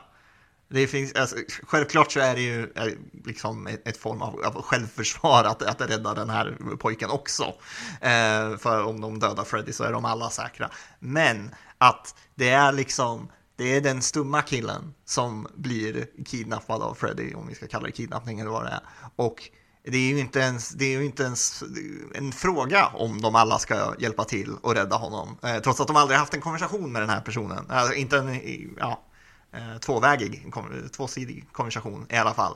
Eh, jag tycker det är någonting som, som får filmen att, att verkligen fungera. Jag, jag köper verkligen att de här, det här ungdom, ungdomsgänget är eh, vänner. Eh, liksom. den, den punkiga tjejen, hon, hon är med och spelar eh, Dungeons and Dragons med, med den nördiga trots att hon inte förstår, eller hon inte är speciellt intresserad. Men så här, de tycker om varandra så de gör sånt. Eh, och sådana där små inslag tycker jag. Mm ja. Ja, men det, och det är också kanske det som återigen gör det här trivsamt att vi har då en grupp som är sympatisk med varandra istället för den här asshole-gruppen Eh, som, det, det, som drar mig till minnes är remaken på fredagen den 13 där samtliga karaktärer var... Varför, varför är ni vänner? Var liksom os... ja, varför är ni vänner? Och, vilket också gjorde att den filmen vart jävligt trist att se. Eller Rob Zombies remake utav Halloween. Där också varenda jävla människa som någonsin har gått i ett par skor är hemsk och vidrig. Och det gör då att filmen blir hemsk att se. Ja, det är bara fuck, fuck, fuck, fuck mm -hmm. i alla. Det får vi passa oss så inte podcastplattformarna bannar oh, oss för att vi säger fuck. och då har vi våran sista då, ungdomsgäng och det är då Kincaid. Och, och, han är väl the bad boy från start om jag förstår det rätt. Den stora mörka killen som har attityd. Uh, och där tänkte jag också på tal om så här stereotypt, men som inte blir det för Kincaid kliver över det. Men liksom självklart liksom den mest aggressiva karaktären är en ung mörkhyad man. Som är den liksom som har eh, nära till våldet. Och det är liksom, ja, en liksom fugg-karaktär egentligen. Eh, men han blir så mycket mer än så upplever jag. För Kincaid tycker jag är en karaktär som har växt på mig varje gång jag har sett det. För det är också så här, ja men han, han är tough as nails. Liksom, han tar till nävarna snabbt. Men han är också seriöst, alltså jävla rädd och terroriserad.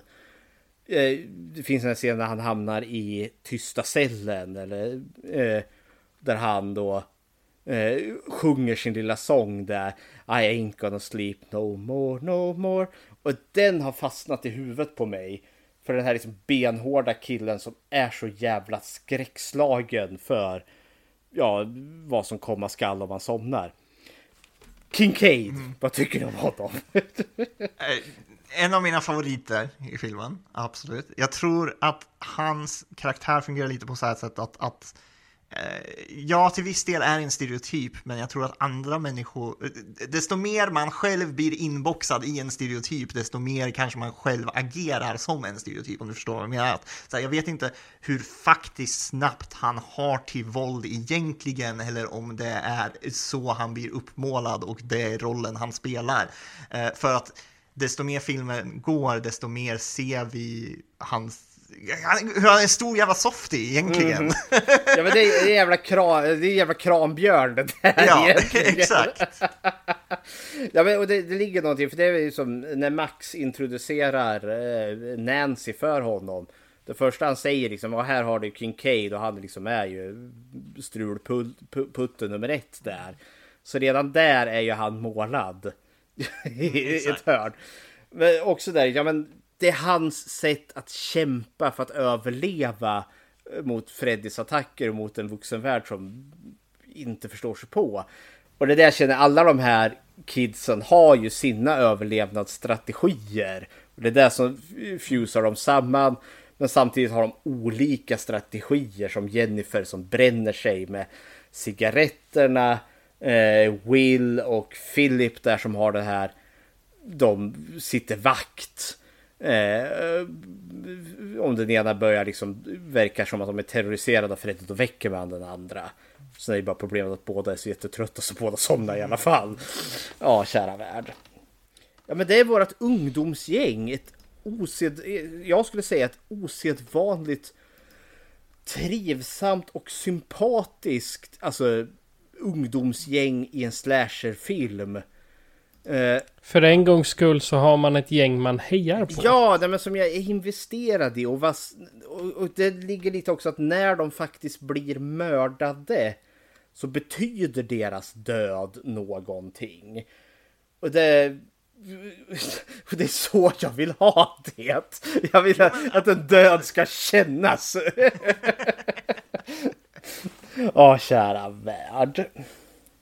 Eh, då ska vi väl gå på våra vuxna karaktärer då. Eh, eh, och vi kan väl ta... Ja, vi, vi tar väl Nancy nu. Våran återkommande final girl här. Vad tycks om Nancy i den här filmen? Hon har blivit vuxen. Hon kommer in lite som den... Det här, hon kommer in runt hörnet och är den här... Haha! Jag kommer och ska rädda er allihopa. Och jag har eh, krigat mot den här nissen för och haha, nu är jag här. Nancy, typ så. Så den känslan fick jag första gången hon kom.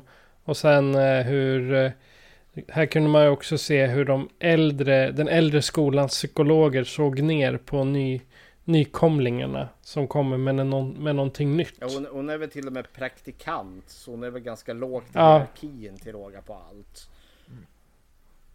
Exakt, och det, hon, eh, hon går ju rakt emot eh, Sims där att nej, det handlar inte om eh, skuld, det handlar om deras drömmar, mardrömmar. Nej, men det är för deras skuld. Uh, ja, man blir bara arg när man hör henne. Men så tänker jag Heather, eller Nancy heter hon ju. Ja, eh, ja när, jag, när jag sa eh, att jag tycker vissa aspekter av den här filmen är, går tillbaka till och inte ser den som ung och så här wow det här är awesome, utan ser den med lite mer kritisk läns så känner jag väl att kanske karaktären Nancy är väl lite, lite odd man out här, att jag vet inte vad det är exakt, för jag tycker Heather Langenkamp är en väldigt bra skådespelare i första Nightmare on Elm Street och New Nightmare och andra saker jag sett henne i. Hon är kapabel till att skådespela, det är inte det jag säger. Men i den här filmen så känns hon lite jag vet inte om missplacerad är rätt ord eller om bara regin för henne. Det känns som hon fortfarande spelar Nancy som hon gjorde i första filmen där allting är väldigt så här Oh wow! Uh, liksom så här, allt är uh, uh, vad ska man säga, nytt och typ, eh, ja, jag vet inte, som hon har en, en viss typ av förvåning genom hela filmen. Och det är väl kanske den aspekten av filmen jag tycker är, eh, fungerar sämst, om jag ska eh, säga så.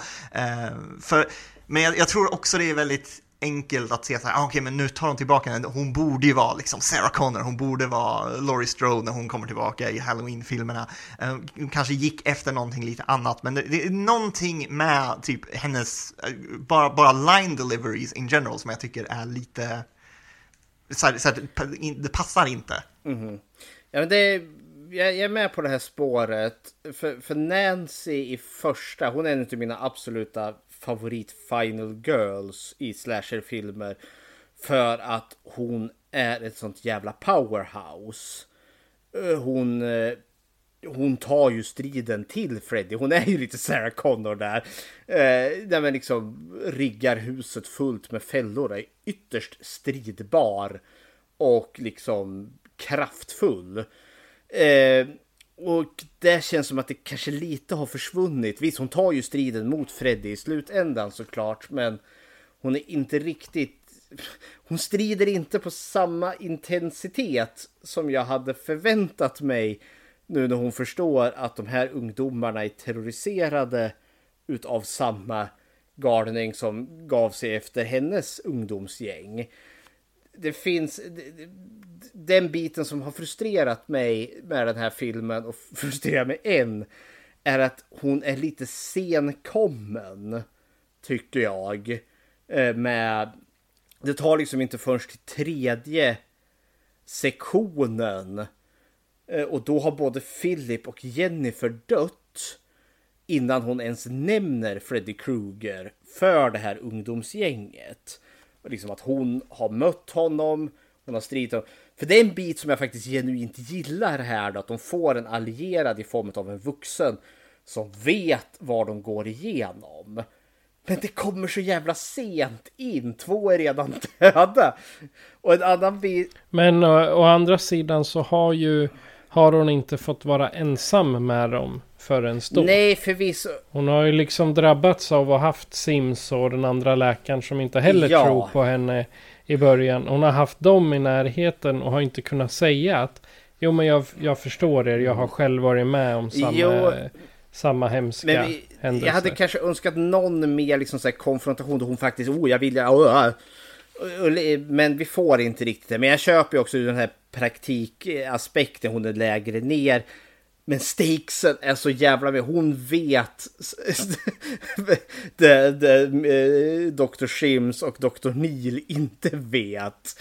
Eh, ja, och jag, jag tror kanske det, det jag kanske var dålig på att artikulera, att jag tycker det finns en, en form av naivitet i hennes karaktär som inte make sense eftersom hon har, eftersom hon har eh, gått igenom det här förut i första filmen och eh, varit så himla smart genom den filmen. Sen i den här så är det så här, ja men som du säger, så här, två personer dör innan hon blir direkt involverad och sen så går hon in i mycket så här av Freddy Kruegers fällor och så här och det bara, det bara känns lite så här, alltså jag uppskattar att de tog tillbaka henne och jag gillar Heather Langenkamp i den här rollen väldigt mycket. Hon tillför väldigt mycket till den här eh, filmen, men det är väl kanske det, den, den saken som jag hade tänkt så här, ja okej, det här Ja. kunde varit bättre. Ja men hon är, nu har jag inget bra resourceful. Alltså hon är, hon är problemlösande i första filmen. Hon hittar, för ingen, hon får ingen hjälp från något annat håll. Så därför tänker hon utanför boxen och liksom, ja men nu mm, löser jag den här situationen efter bästa förmåga. Hon klurar ut att hon måste få ut Freddy i verkliga världen och hela det där. Hon lägger pusslet. Så där känner jag liksom att Nancy borde egentligen, även om nu Sims och Neil liksom nej det här går vi inte med på för det är knäppt. Så känner jag att hon som karaktär skulle gå bakom ryggen på dem. Som med den här medicinen Hypnosil. Eh, för det är liksom, ja men Otroligt, otroligt så här fake namn på en drog. Ja, gud ja. Men liksom i filmens egen kontext, det går att hämma drömmarna. Ja. Vilket gör då liksom att, ja men okej, Freddy kommer inte åt dig. Eh, och det störde mig för hon lyckas ju, och det är en experimentell drog så visst de kan inte ta in det men hon lyckas övertyga Neil, ja men vi gör det här nu. Och så frågar hon, ja tror du vi kan få in det tills imorgon? Ja det kanske vi kan. Jag sitter och tänker, ta din jävla burk och ge en tablett till varje unge. Herregud, liksom varför vänta en hel natt? Och vet ju, om någon somnar då kommer han och han kommer mörda dem. Jag har faktiskt eh, hittat, det finns på Wish Hypnosil. Ja, okej. De tillverkas till och med för hand i USA. Ja, det låter shady as Och sen, eh, ja, det Hypnosil, där har vi det. Det tillverkas i eh, Xinjiang-provinsen. Där kan du köpa det. Ah, okej. Burkarna får du fylla själv. Sen kan kan- kolla om Nuke från Robocop 2. Exakt. Nej men... Jag, jag håller med, jag säger som det är Boris, jag gillar fortfarande Nancy. Men hon är lite för, ja, kanske så naiv som du säger i den här filmen. Liksom hon, det här skulle vara mer resurs för hon skulle liksom mer pang på. samtidigt, hon dör ju sen i slutet utav filmen. Och jag tycker också då att ja, men det funkar väl. Offar, liksom, för hon får ändå så dö en hjältedöd i striden mot Freddy. Och jag tycker också att det blir ett snyggt sätt att liksom Ja men nu avslutar vi Nancys berättelse, The Final Girl från första filmen här.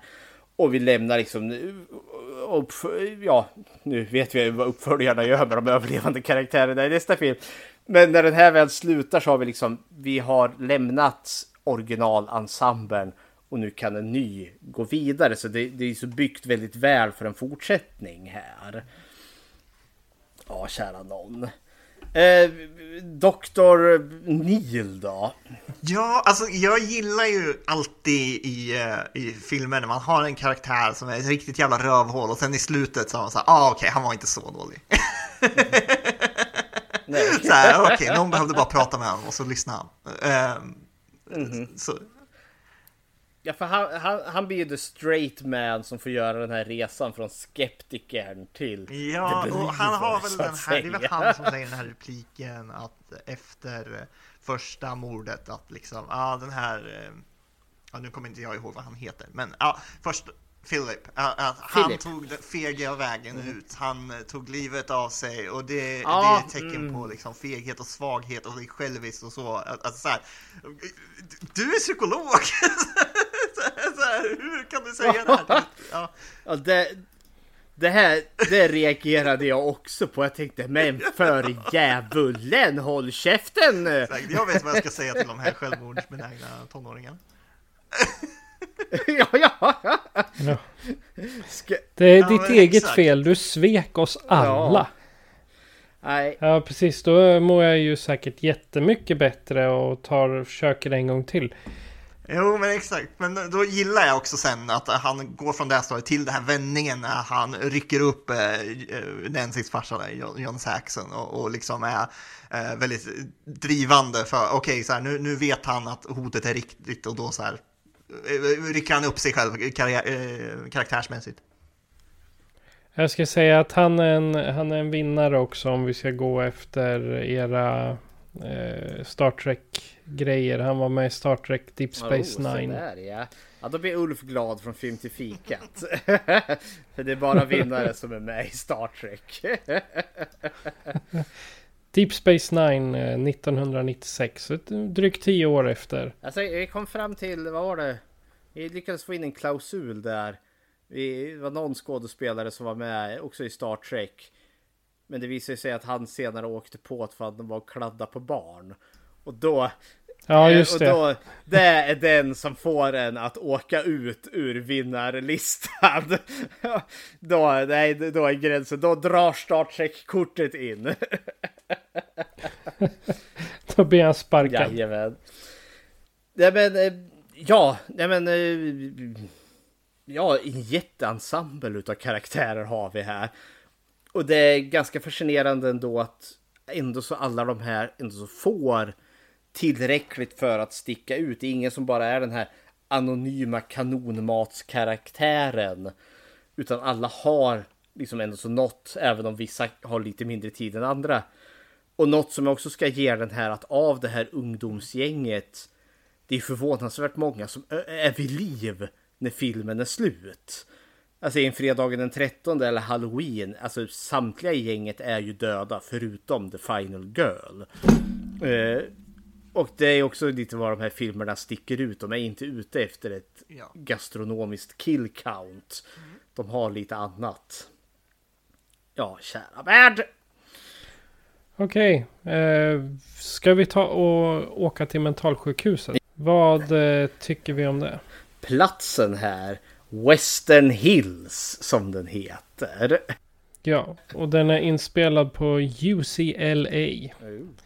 Nu är jag lite osäker på om vad det innebär, men eh, där kan vi också se Oppenheimer mm. från i år är inspelad där. Gudfadern, Gilmore Girls och Buffy. Jaha, sådär. Så det är en eh, populär byggnad om man mm. säger så då. Ja, nej men det här är väl psykavdelningen på ett stor, större sjukhus där i Springwood, tänker jag. Yep.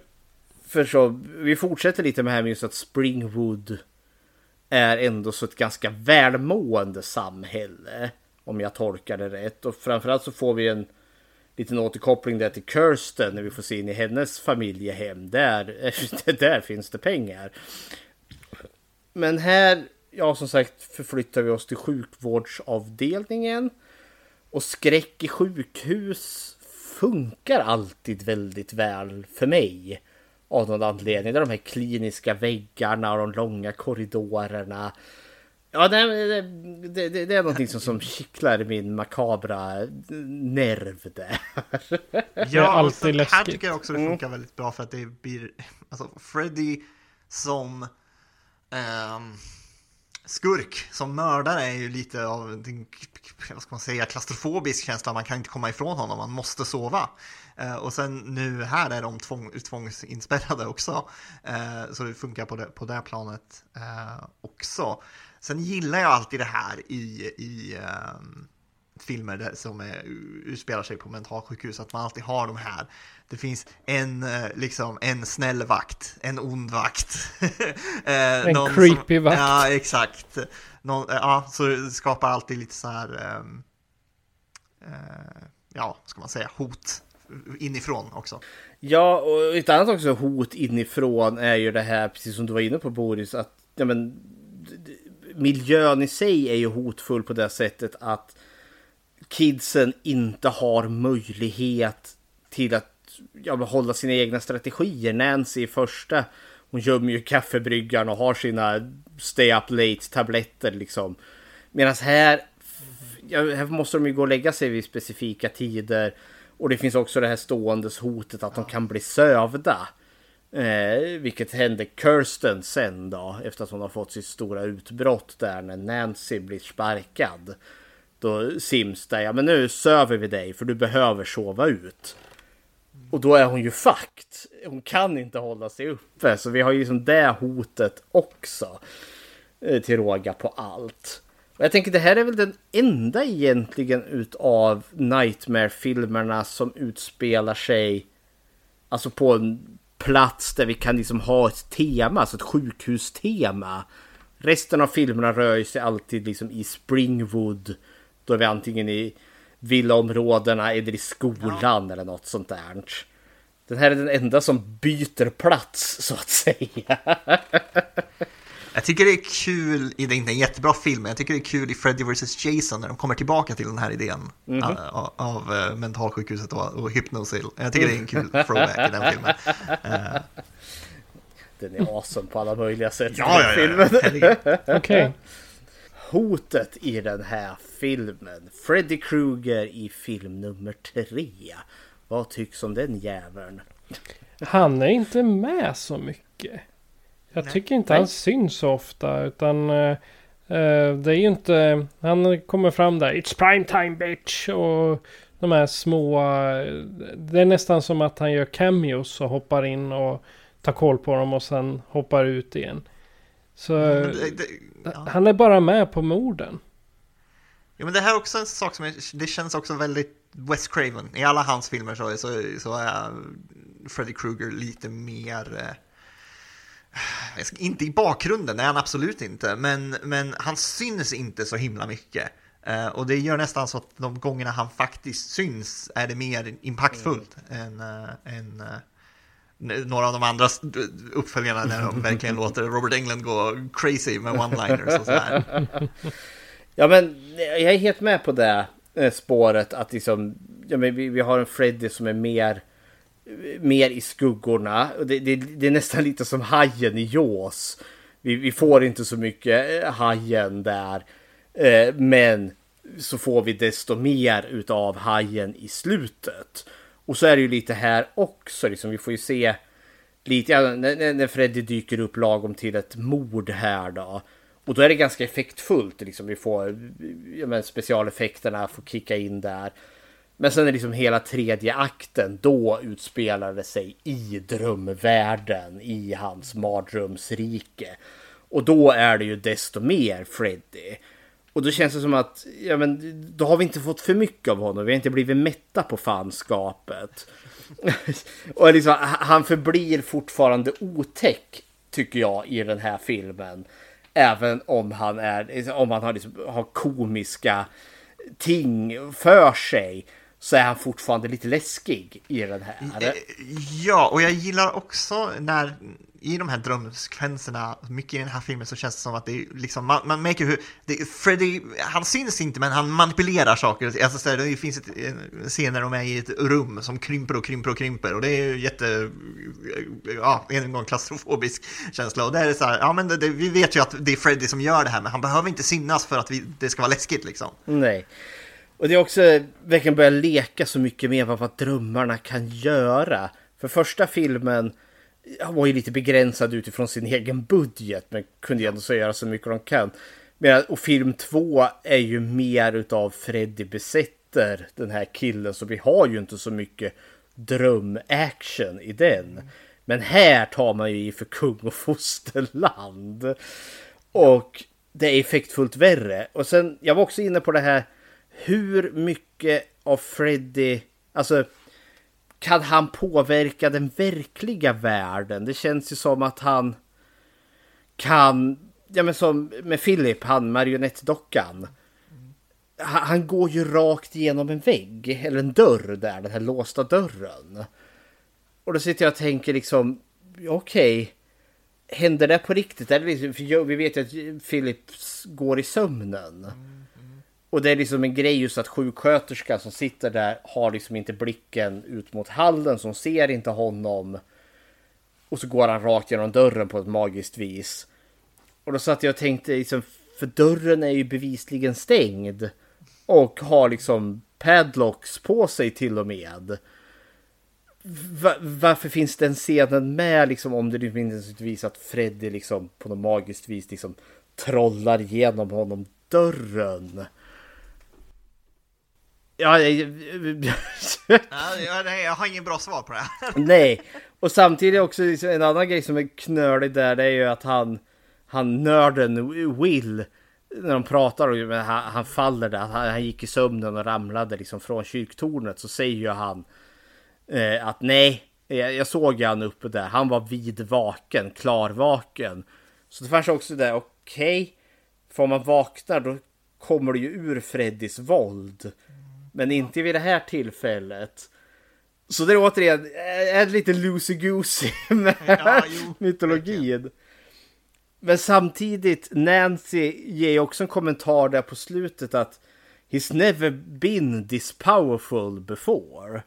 Och det är ju då han sliter av sig tröjan och eh, säger att men, the souls of the children eh, ger jag han sin kraft.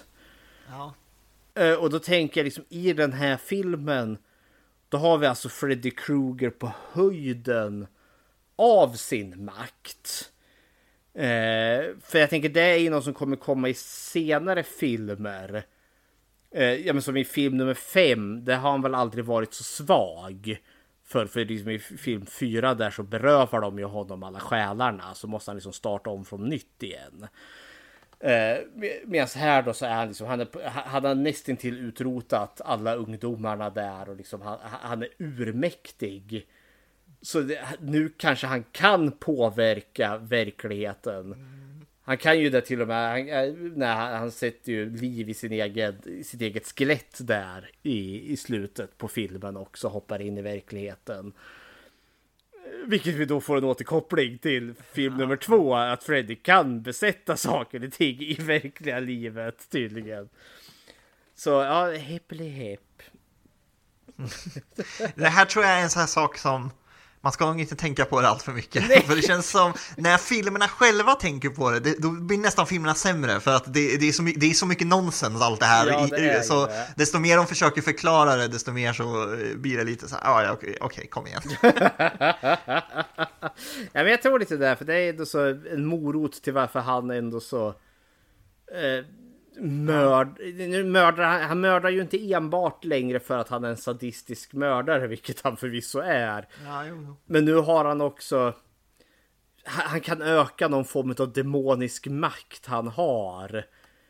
Eh, och dels blir också den här filmen som blandar in religion för första gången. Vi får ju nunnan där som dyker upp och säger att han är restless spirit who is an abomination to God man. Eh, och det är också så han besegras de, med att spruta heligt vatten på honom och begrava han i vigd jord. Så då med power of God så kan man få bort honom. Det är så typiskt amerikansk film också. Det är verkligen allting kan du lösa med the power of God och genom att be en massa böner och hit och dit. För det är ju ett väldigt kristet land kanske man skulle säga. Eller väldigt religiöst land. Ja. The power of Christ compelled him. The power of Christ compels you. ja, jag är inte helt och hållet... Hur han besegras i den här filmen, det är ju som sagt när de ger den här begravningen. Jag tycker det, det funkar ganska väl ändå. Men det kommer lite hipp ändå så Ja, tycker jag. det här är... det- Jag känner så här runt de flesta av de här uppföljarna. Eh, att, att det är ju lite... Det, är, så, det känns nästan så dumt att kritisera för att hela filmen är ju orealistisk och att han ska vara i drömmar, det är, ju- allting är, är ju nonsens egentligen. Men ofta så känns det som att lösningen på hur man dödar Freddy Krueger lite så här, ah, det här är vad manusförfattarna tänkte, det här blir bra den här gången. Jajamän. Det känns inte som att det finns ett Ja, men en, en specifik sak som gör att okej nu är Freddy borta för evigt, det här är inte vad de gör. Det känns som att det är olika saker i varje film. Ja men det är varje liksom en ny nödlösning och det var liksom ett problem med den här karaktären. Jason och Michael Myers, det är liksom bara ja men brutal slå ihjäl dem på ett eller annat sätt liksom. Ja men hugg huvudet av han eller Ja, exakt, exakt. det, det ledde ju till problem ändå. Nej, men liksom, där kan du ju ha liksom, ja, men vi tar Halloween 4. Vi skjuter Michael Myers hundra gånger så ramlar han ner i en brunn. Åh oh, nej, nu är han död. Men vi såg ju inte kroppen där på slutet. Ah, så då kanske han är vid liv. Och Jason lika sover liksom kedjar han vid botten utav sjön. Och nej, nu är han borta för tid och evighet. Men jag kan komma tillbaka. Men Freddy är ju det här övernaturliga väsendet. Och vi kan liksom, och man måste ha något nytt sätt att besegra honom. Och det känns som att det blir mer convoluted för varje film. Ja, exakt. Och det finns ingen, inte direkt någon mytologi de kan dra ifrån. Han är inte vampyr, han är inte Nej. någon demon eller något sånt där. De kan inte säga okej, det här är vad, vad liksom eh, andra filmer eller andra böcker eller eh, berättelser har gjort. Utan här får de, de får ja, bara hitta på nya grejer varje gång och det blir mer och mer ridiculous. Ja. Och då, blir mer, då får man ge kudos till den Freddys Death i alla fall. Vi drar ut den i verkligheten och spränger fanskapet med dynamit. ja, det men som sagt, här tycker jag fortfarande Freddy är otäck eh, och eh, inte så mycket clown som han kommer bli sen. ja. Är, är det runt här som Freddy verkligen blir en så här pop culture icon? Jag tror det, för den här... Det, det var här liksom de hittade formulat. Med första filmen, den får ju stå på sina egna ben. Film nummer två visste de inte vart de skulle ta vägen. Men film nummer tre, det tänker jag, det är här de knäcker Freddy-koden på något vis och vänster. Och då kan vi ju gå in lite på musik här nu. För vi har två musikstycken. Det jag ska komma fram till fortsättningen på det du frågar är är att till varför det här kanske blir populärt. För det kommer ju en väldigt populär musikvideo till den här. Men vi kör först eh, alltså the main theme från den här filmen då.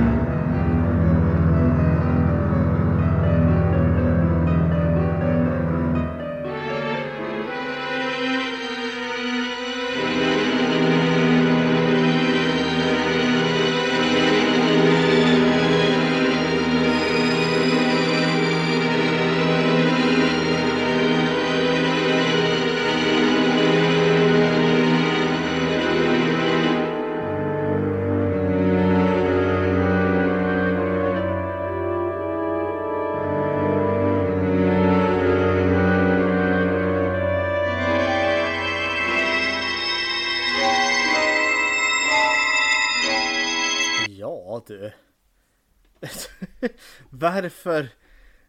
Jag är så lite blown away. Det här är, du är på film nummer tre här. Eh, John Carpenters Halloween. De har använt liksom samma. Eh, eh, fredagen den 13 använder i stort sett samma variation på den. Det är ju samma slinga som ligger på båda de. eh, Alltså Halloween Ja. och fredag den 13. Det är samma slinga. Men terrorn på Elm Street. Alltså första filmen har ju liksom det. Det är sånt kick-ass musik och det är så kusligt och liksom så. Och det är liksom så fort man hör musik. Ah, terrorn på Elm Street. Varför är inte den alltid the main theme till en film? Eller en variation på den. Den dyker i regel upp liksom i mitt i filmen. Eh, men det är så som att en ny kompositör, ja men jag ska minsann. Det är bara skit! Eller skit, det är väl att ta i. Men alltså det, jag är lite blown away. Varför, varför gör man på det här sättet? Ja, så innan jag såg den här filmen inför, inför podden så tittade jag faktiskt upp på lite eh, behind the scenes eh, människor. Och det är samma kompositör som har samarbetat eh, med David Lynch väldigt mycket i hans karriär. Så det är ju prestige. Ja, och gjort musik till Twin Peaks bland annat och så vidare och så vidare. Men ja, det, jag håller med. Det, är det, är väl okej, men det, det känns lite, jag undrar om de tänkte att det återgående temat ska vara det här One, two, Freddy coming for you. Om det är den som är liksom den ikoniska och den som man måste med. ha. Den är ju med i trailern till råga på allt. Ja, Men alltså ja. Jag tycker egentligen att den här har ju två. Alltså ramsan och sen sitt ikoniska musiken där. Men ja. Men. Ja. Nu kommer vi till det andra ljudklippet. Som jag tror också varit nytt för den här. För de gjordes ju. Dels är ju det här, vad heter det. mm, Eftertextmusiken.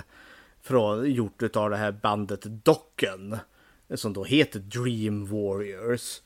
Eh, och det här var, tror jag också varit liksom en del i varför den här filmen varit populär ändå. Dels för att nu vet jag inte hur stora docken var, men de- hade väl någon form av fanbase. Men det gjordes också en musikvideo med dem och med Freddy Krueger liksom i den. Och jag tror det är det som kickar igång varför vi får liksom The Freddy Krueger blir mainstream. För även om kanske kidsen inte kunde se filmen på, eh, på grund av åldersgräns eller föräldrar så fanns väl MTV eller andra musikkanaler där musikvideon ändå så gick. Så då fick man ju tillgång till Freddy Krueger på det sättet om inte annat. Du har ju MTV, tänk- VH1. Mm. Popvox som det hette. Exakt, det fanns många. Eh, men, eller Voxpop kanske, jag sa samma. Eh, nej men för, för film nummer fyra kommer ju liksom använda exakt samma liksom typ utav marknadsföring fast gånger hundra. Eh, Så jag tänker liksom trean här sätter verkligen liksom ramen. Men då låt oss höra Dockens Dream Warrior. Música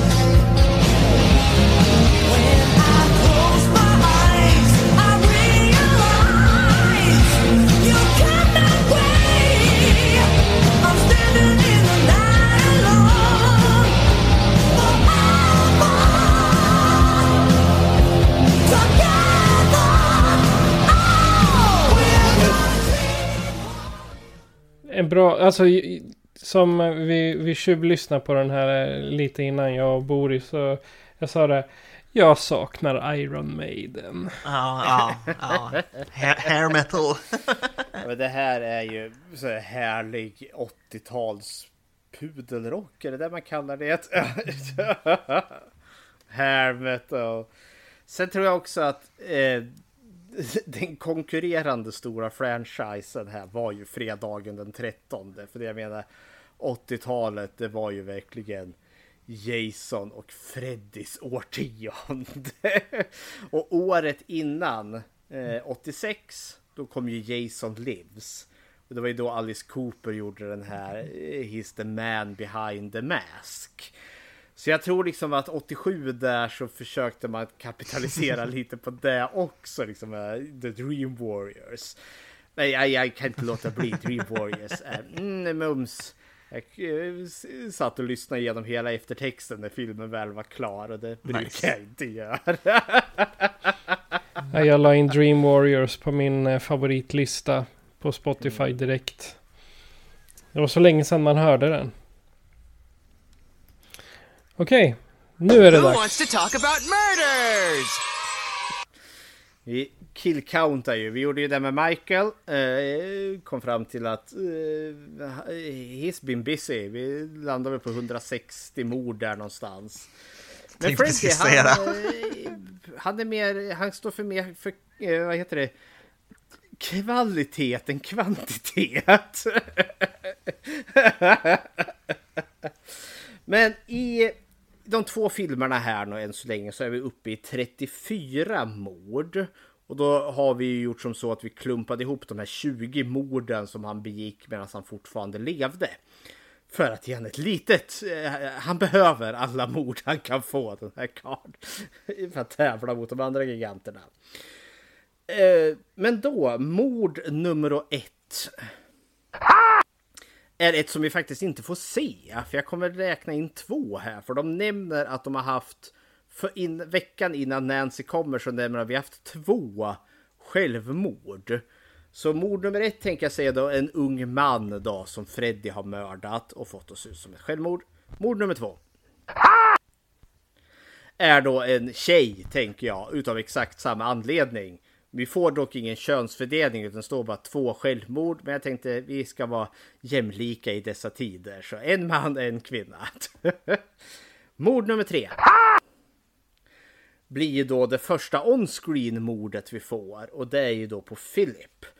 Där Freddy drar sina klor längs hans armar och ben och använder hans senor och vener.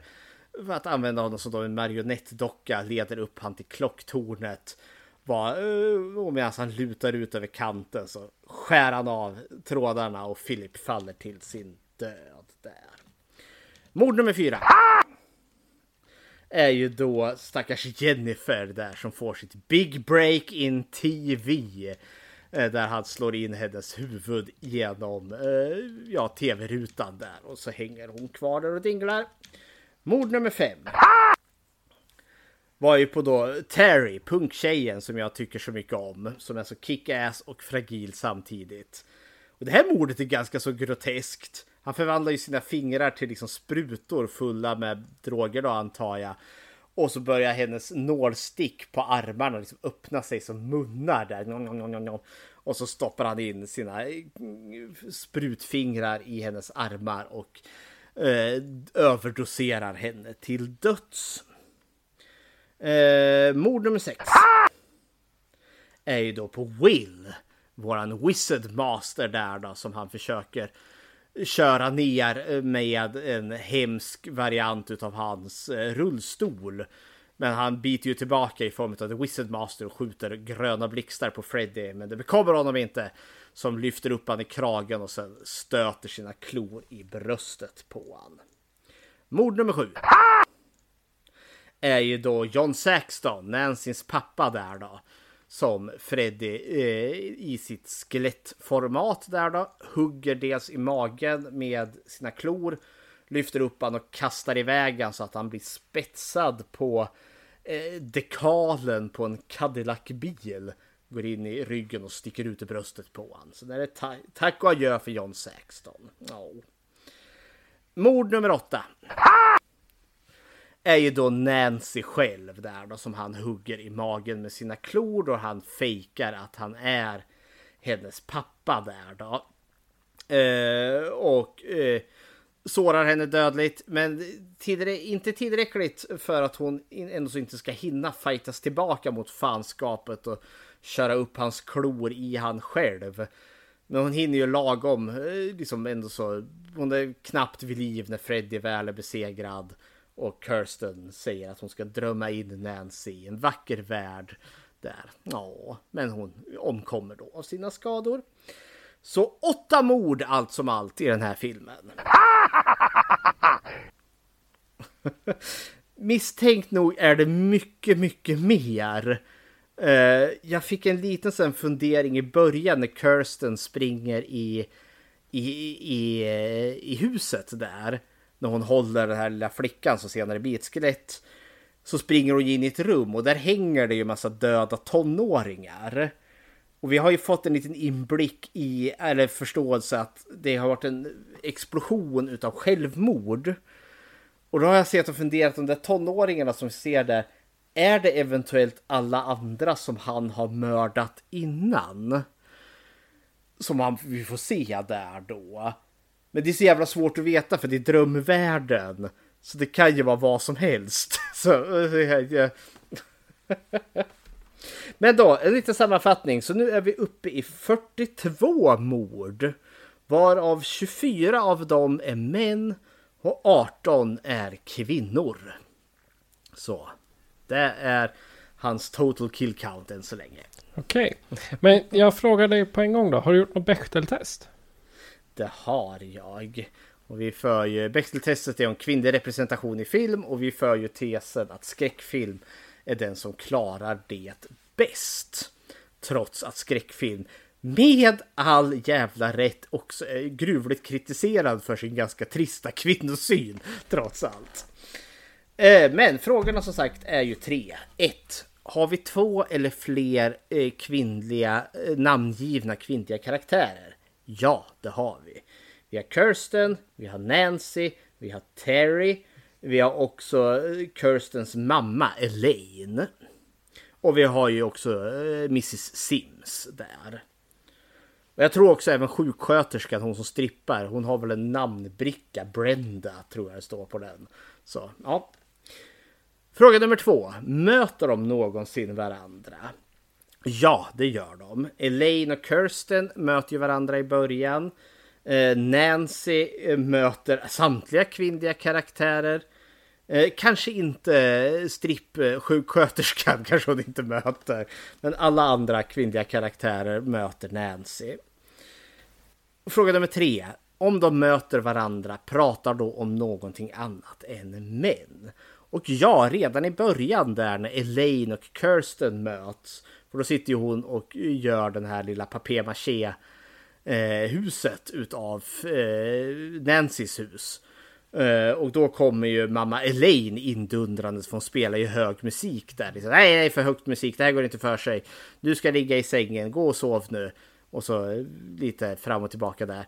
Och då är det inga diskussioner om män där. Så redan i filmens första fem minuter klarar den Bechteltestet. För, för, oh. Säger inte hon att hon, hon har en man där nere på... Jo men det har hon ju. Men, ah, men... Hon, hon, det är väl snarare att han ropar ju upp Where is the bourbon? Och så svarar hon ju honom. Ah, Okej. Okay. Ah, ah. Ah, ah. Men samtidigt, för jag, jag tog också med det eh, för jag tänkte utifrån att det skulle komma klagomål. Så har vi också... jag, bara, jag bara säger det lyssnarna tänker. Jajamän. Så har vi också scen med Nancy och mamma Elaine där, där de pratar om eh, Kirstens inskrivning. Yes. Där, där, Kirst, där Elaine bara säger att Kirsten bara gör det här för uppmärksamhet. Och då finns det inga jobbiga mm. män som är där och skriker efter bourbon. Så om den inte klarar för första så klarar ja. den lite senare. Okej, okay. ja, jag håller käften. Ja. Tack. Men eh, när vi ändå är på att hålla käften så då tänkte jag Boris, du kan få ge någon form av eh, slutord på den här och sen ett betyg. Eh, jag tycker att filmen är väldigt eh, väl värd att se. Om, om man är som jag och eh, är lite dålig på att se uppföljare, eh, som jag pratade om tidigare, eh, så tycker jag i alla fall man ska se eh, den, 1, 2, 3 tycker jag. Tvåan har ni redan pratat om, men den tycker jag också är väldigt, väldigt intressant eh, i alla fall. Och sen New Nightmare. Eh, så att, eh, ja, ett betyg också. Ska jag, jag säger Ett till fyra fem. av fem. Ja. Ja. Fredrik? Ja men eh, av uppföljare som finns så är det här en osedvanligt bra en och det är liksom istället för att liksom bara göra en blek kopia utav film nummer ett som många uppföljare gör eh, så gör alltså den här utvecklar ju mytologin, den fortsätter berättelsen. Och det är väl mycket tack vare att Wes Craven var med där och skrev manus. Men vilket gör då liksom att ja, men det här är intressant, det är en fortsättning på berättelsen. Men plus också mycket där vi har pratat om innan här, alltså vi har en väldigt trevlig ensemble karaktärer. Eh, och ja, det, det är en osedvanligt bra film. Och eh, som trilogi, om man nu tar de tre första filmerna, så är de också jävligt intressanta i sig. De är habila, dugliga filmer. Tvåan är väl kanske svagast i, i den här trilogin, men intressant ur en helt annan aspekt. Eh, men nej, jag tycker det här är top notch. Eh, som sagt, det är en, kanske en av mina absoluta favoriter. Och jag gav första filmen 5 av 5 för det är masterclass. Eh, och jag skulle vilja ge den här 5 av 5 också. Men jag kan inte. se- Alltså första filmen är lite för trendsättande och unik. Så även om jag gillar den här skitmycket så får den fyra och en halv. Oj, oj, oj! Jag visste inte att man kunde dra till Jag, Going jag gjorde... Rogue. Jajamän, go rogue. Nu lägger vi in en halva här. Patrik. då? Okej, jag ska säga det här är ju inte min favoritfilm i serien. För jag är i samma... Nu! Shut up! Eller... Jag kan hugga dig. Ja, nu är död. Ja. eh, nej, det, det är inte favoritfilmen. Men den kommer på tredje plats. Eh, för jag har en av de eh, andra som är eventuellt lite högre. Jag måste bara se om den för att säga. Men den här simmar mellan plats två och tre. För nummer ett i den här serien är definitivt den första filmen. Det är en stillbildande film. Men just den här trean, det som jag sa i början, det är en chips och ölfilm. Det är inte den mest intelligenta filmen utan du, du sätter dig och chillar i soffan. Risken är väl att du äter upp en påse chips, men jag menar, man måste ju leva. Uh, och ska man då försöka få den här och tycka att den ska verka eh, intelligent så då är, då är det fakt. För det kommer du aldrig, aldrig, aldrig kunna, kunna få till. Men jag ger den här en 4 av 5. Eller 3,75 av 5. bara, bara för att inte vara en 4. Ja, nej men det är, min, det, det är mina sista slutord så att säga på den här. Får jag säga en sak till innan vi avslutar? Nej, vet du Do vad? it. Nej, det får jag inte göra. nu går jag hem, fast jag är hemma. Eh, eh, regissören av den här filmen, Chuck Russell, året efter gjorde han eh, The Blob, eh, remaken. Oj! Vilket jag tycker är en väldigt intressant eh, kombination av filmer, två back-to-back, två väldigt så här, eh, ikoniskt specialeffekt eh, heavy eh, skräckfilmer från 80-talet. Så ja. Eh, och det, är- på något sjukt sätt så är det de enda två skräckfilmerna han har gjort. Jag vet inte hur man avslutar där efter de två och bara så här, "Nej, men nu gör jag andra grejer. Det är jättebra filmer. Men, Man ska, man ska sluta när man är på topp Ja, och det ja, gjorde ja, han bevisligen. ja, exakt, exakt. Ja, The, The Blob-låten den har jag som ringsignal när någon ifrån skräckfilmscirkeln, studiecirkeln ringer. Ja, då ska jag till att det är The Blob eh, från 50-talet. Ja, där, va? exakt. Inte, inte remaken, för det Nej. tror jag inte ens den fantastiska musiken finns med Nej, i. och det är originalet såklart. Så då Ja. kan man alltid svara med Beware of the Blob. Okej, men om du som lyssnar då tycker att The Blob är bättre än uh, Nightmare on Elm Street 3 eller tycker att vi borde ha gett en 10 av 5 så kan du göra så här för att kontakta oss. Skräckfilmscirkeln presenteras av Patrik Norén och Fredrik Rosengren.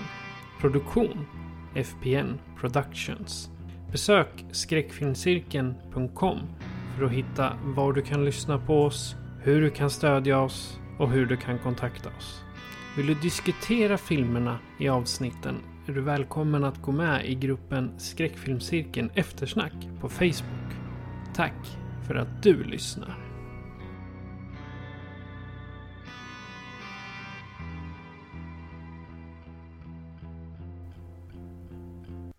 Så Fredrik, vad eh, bjuder vi på nästa gång? Jag vet ju vad vi bjuder på men Ja, Det kan nog de flesta lyssnare också lista ut i och med att vi avhandlar franchisen här nu. Ja, men då är det ju då eh, nästa film i serien då Norden kommer lite närmare för då är det ju Rennie Harlins stora regidebut med, eh, vad heter det, Nightmare on Elm Street 4, The Dream Master. ha ha ha. Och vi har eh, gäst med oss då också. Ska vi... Jajamän. Vi behöver inte spoila det nu kanske. Nej, Nej. Det är, den, den karamellen suger vi lite längre på. Ja.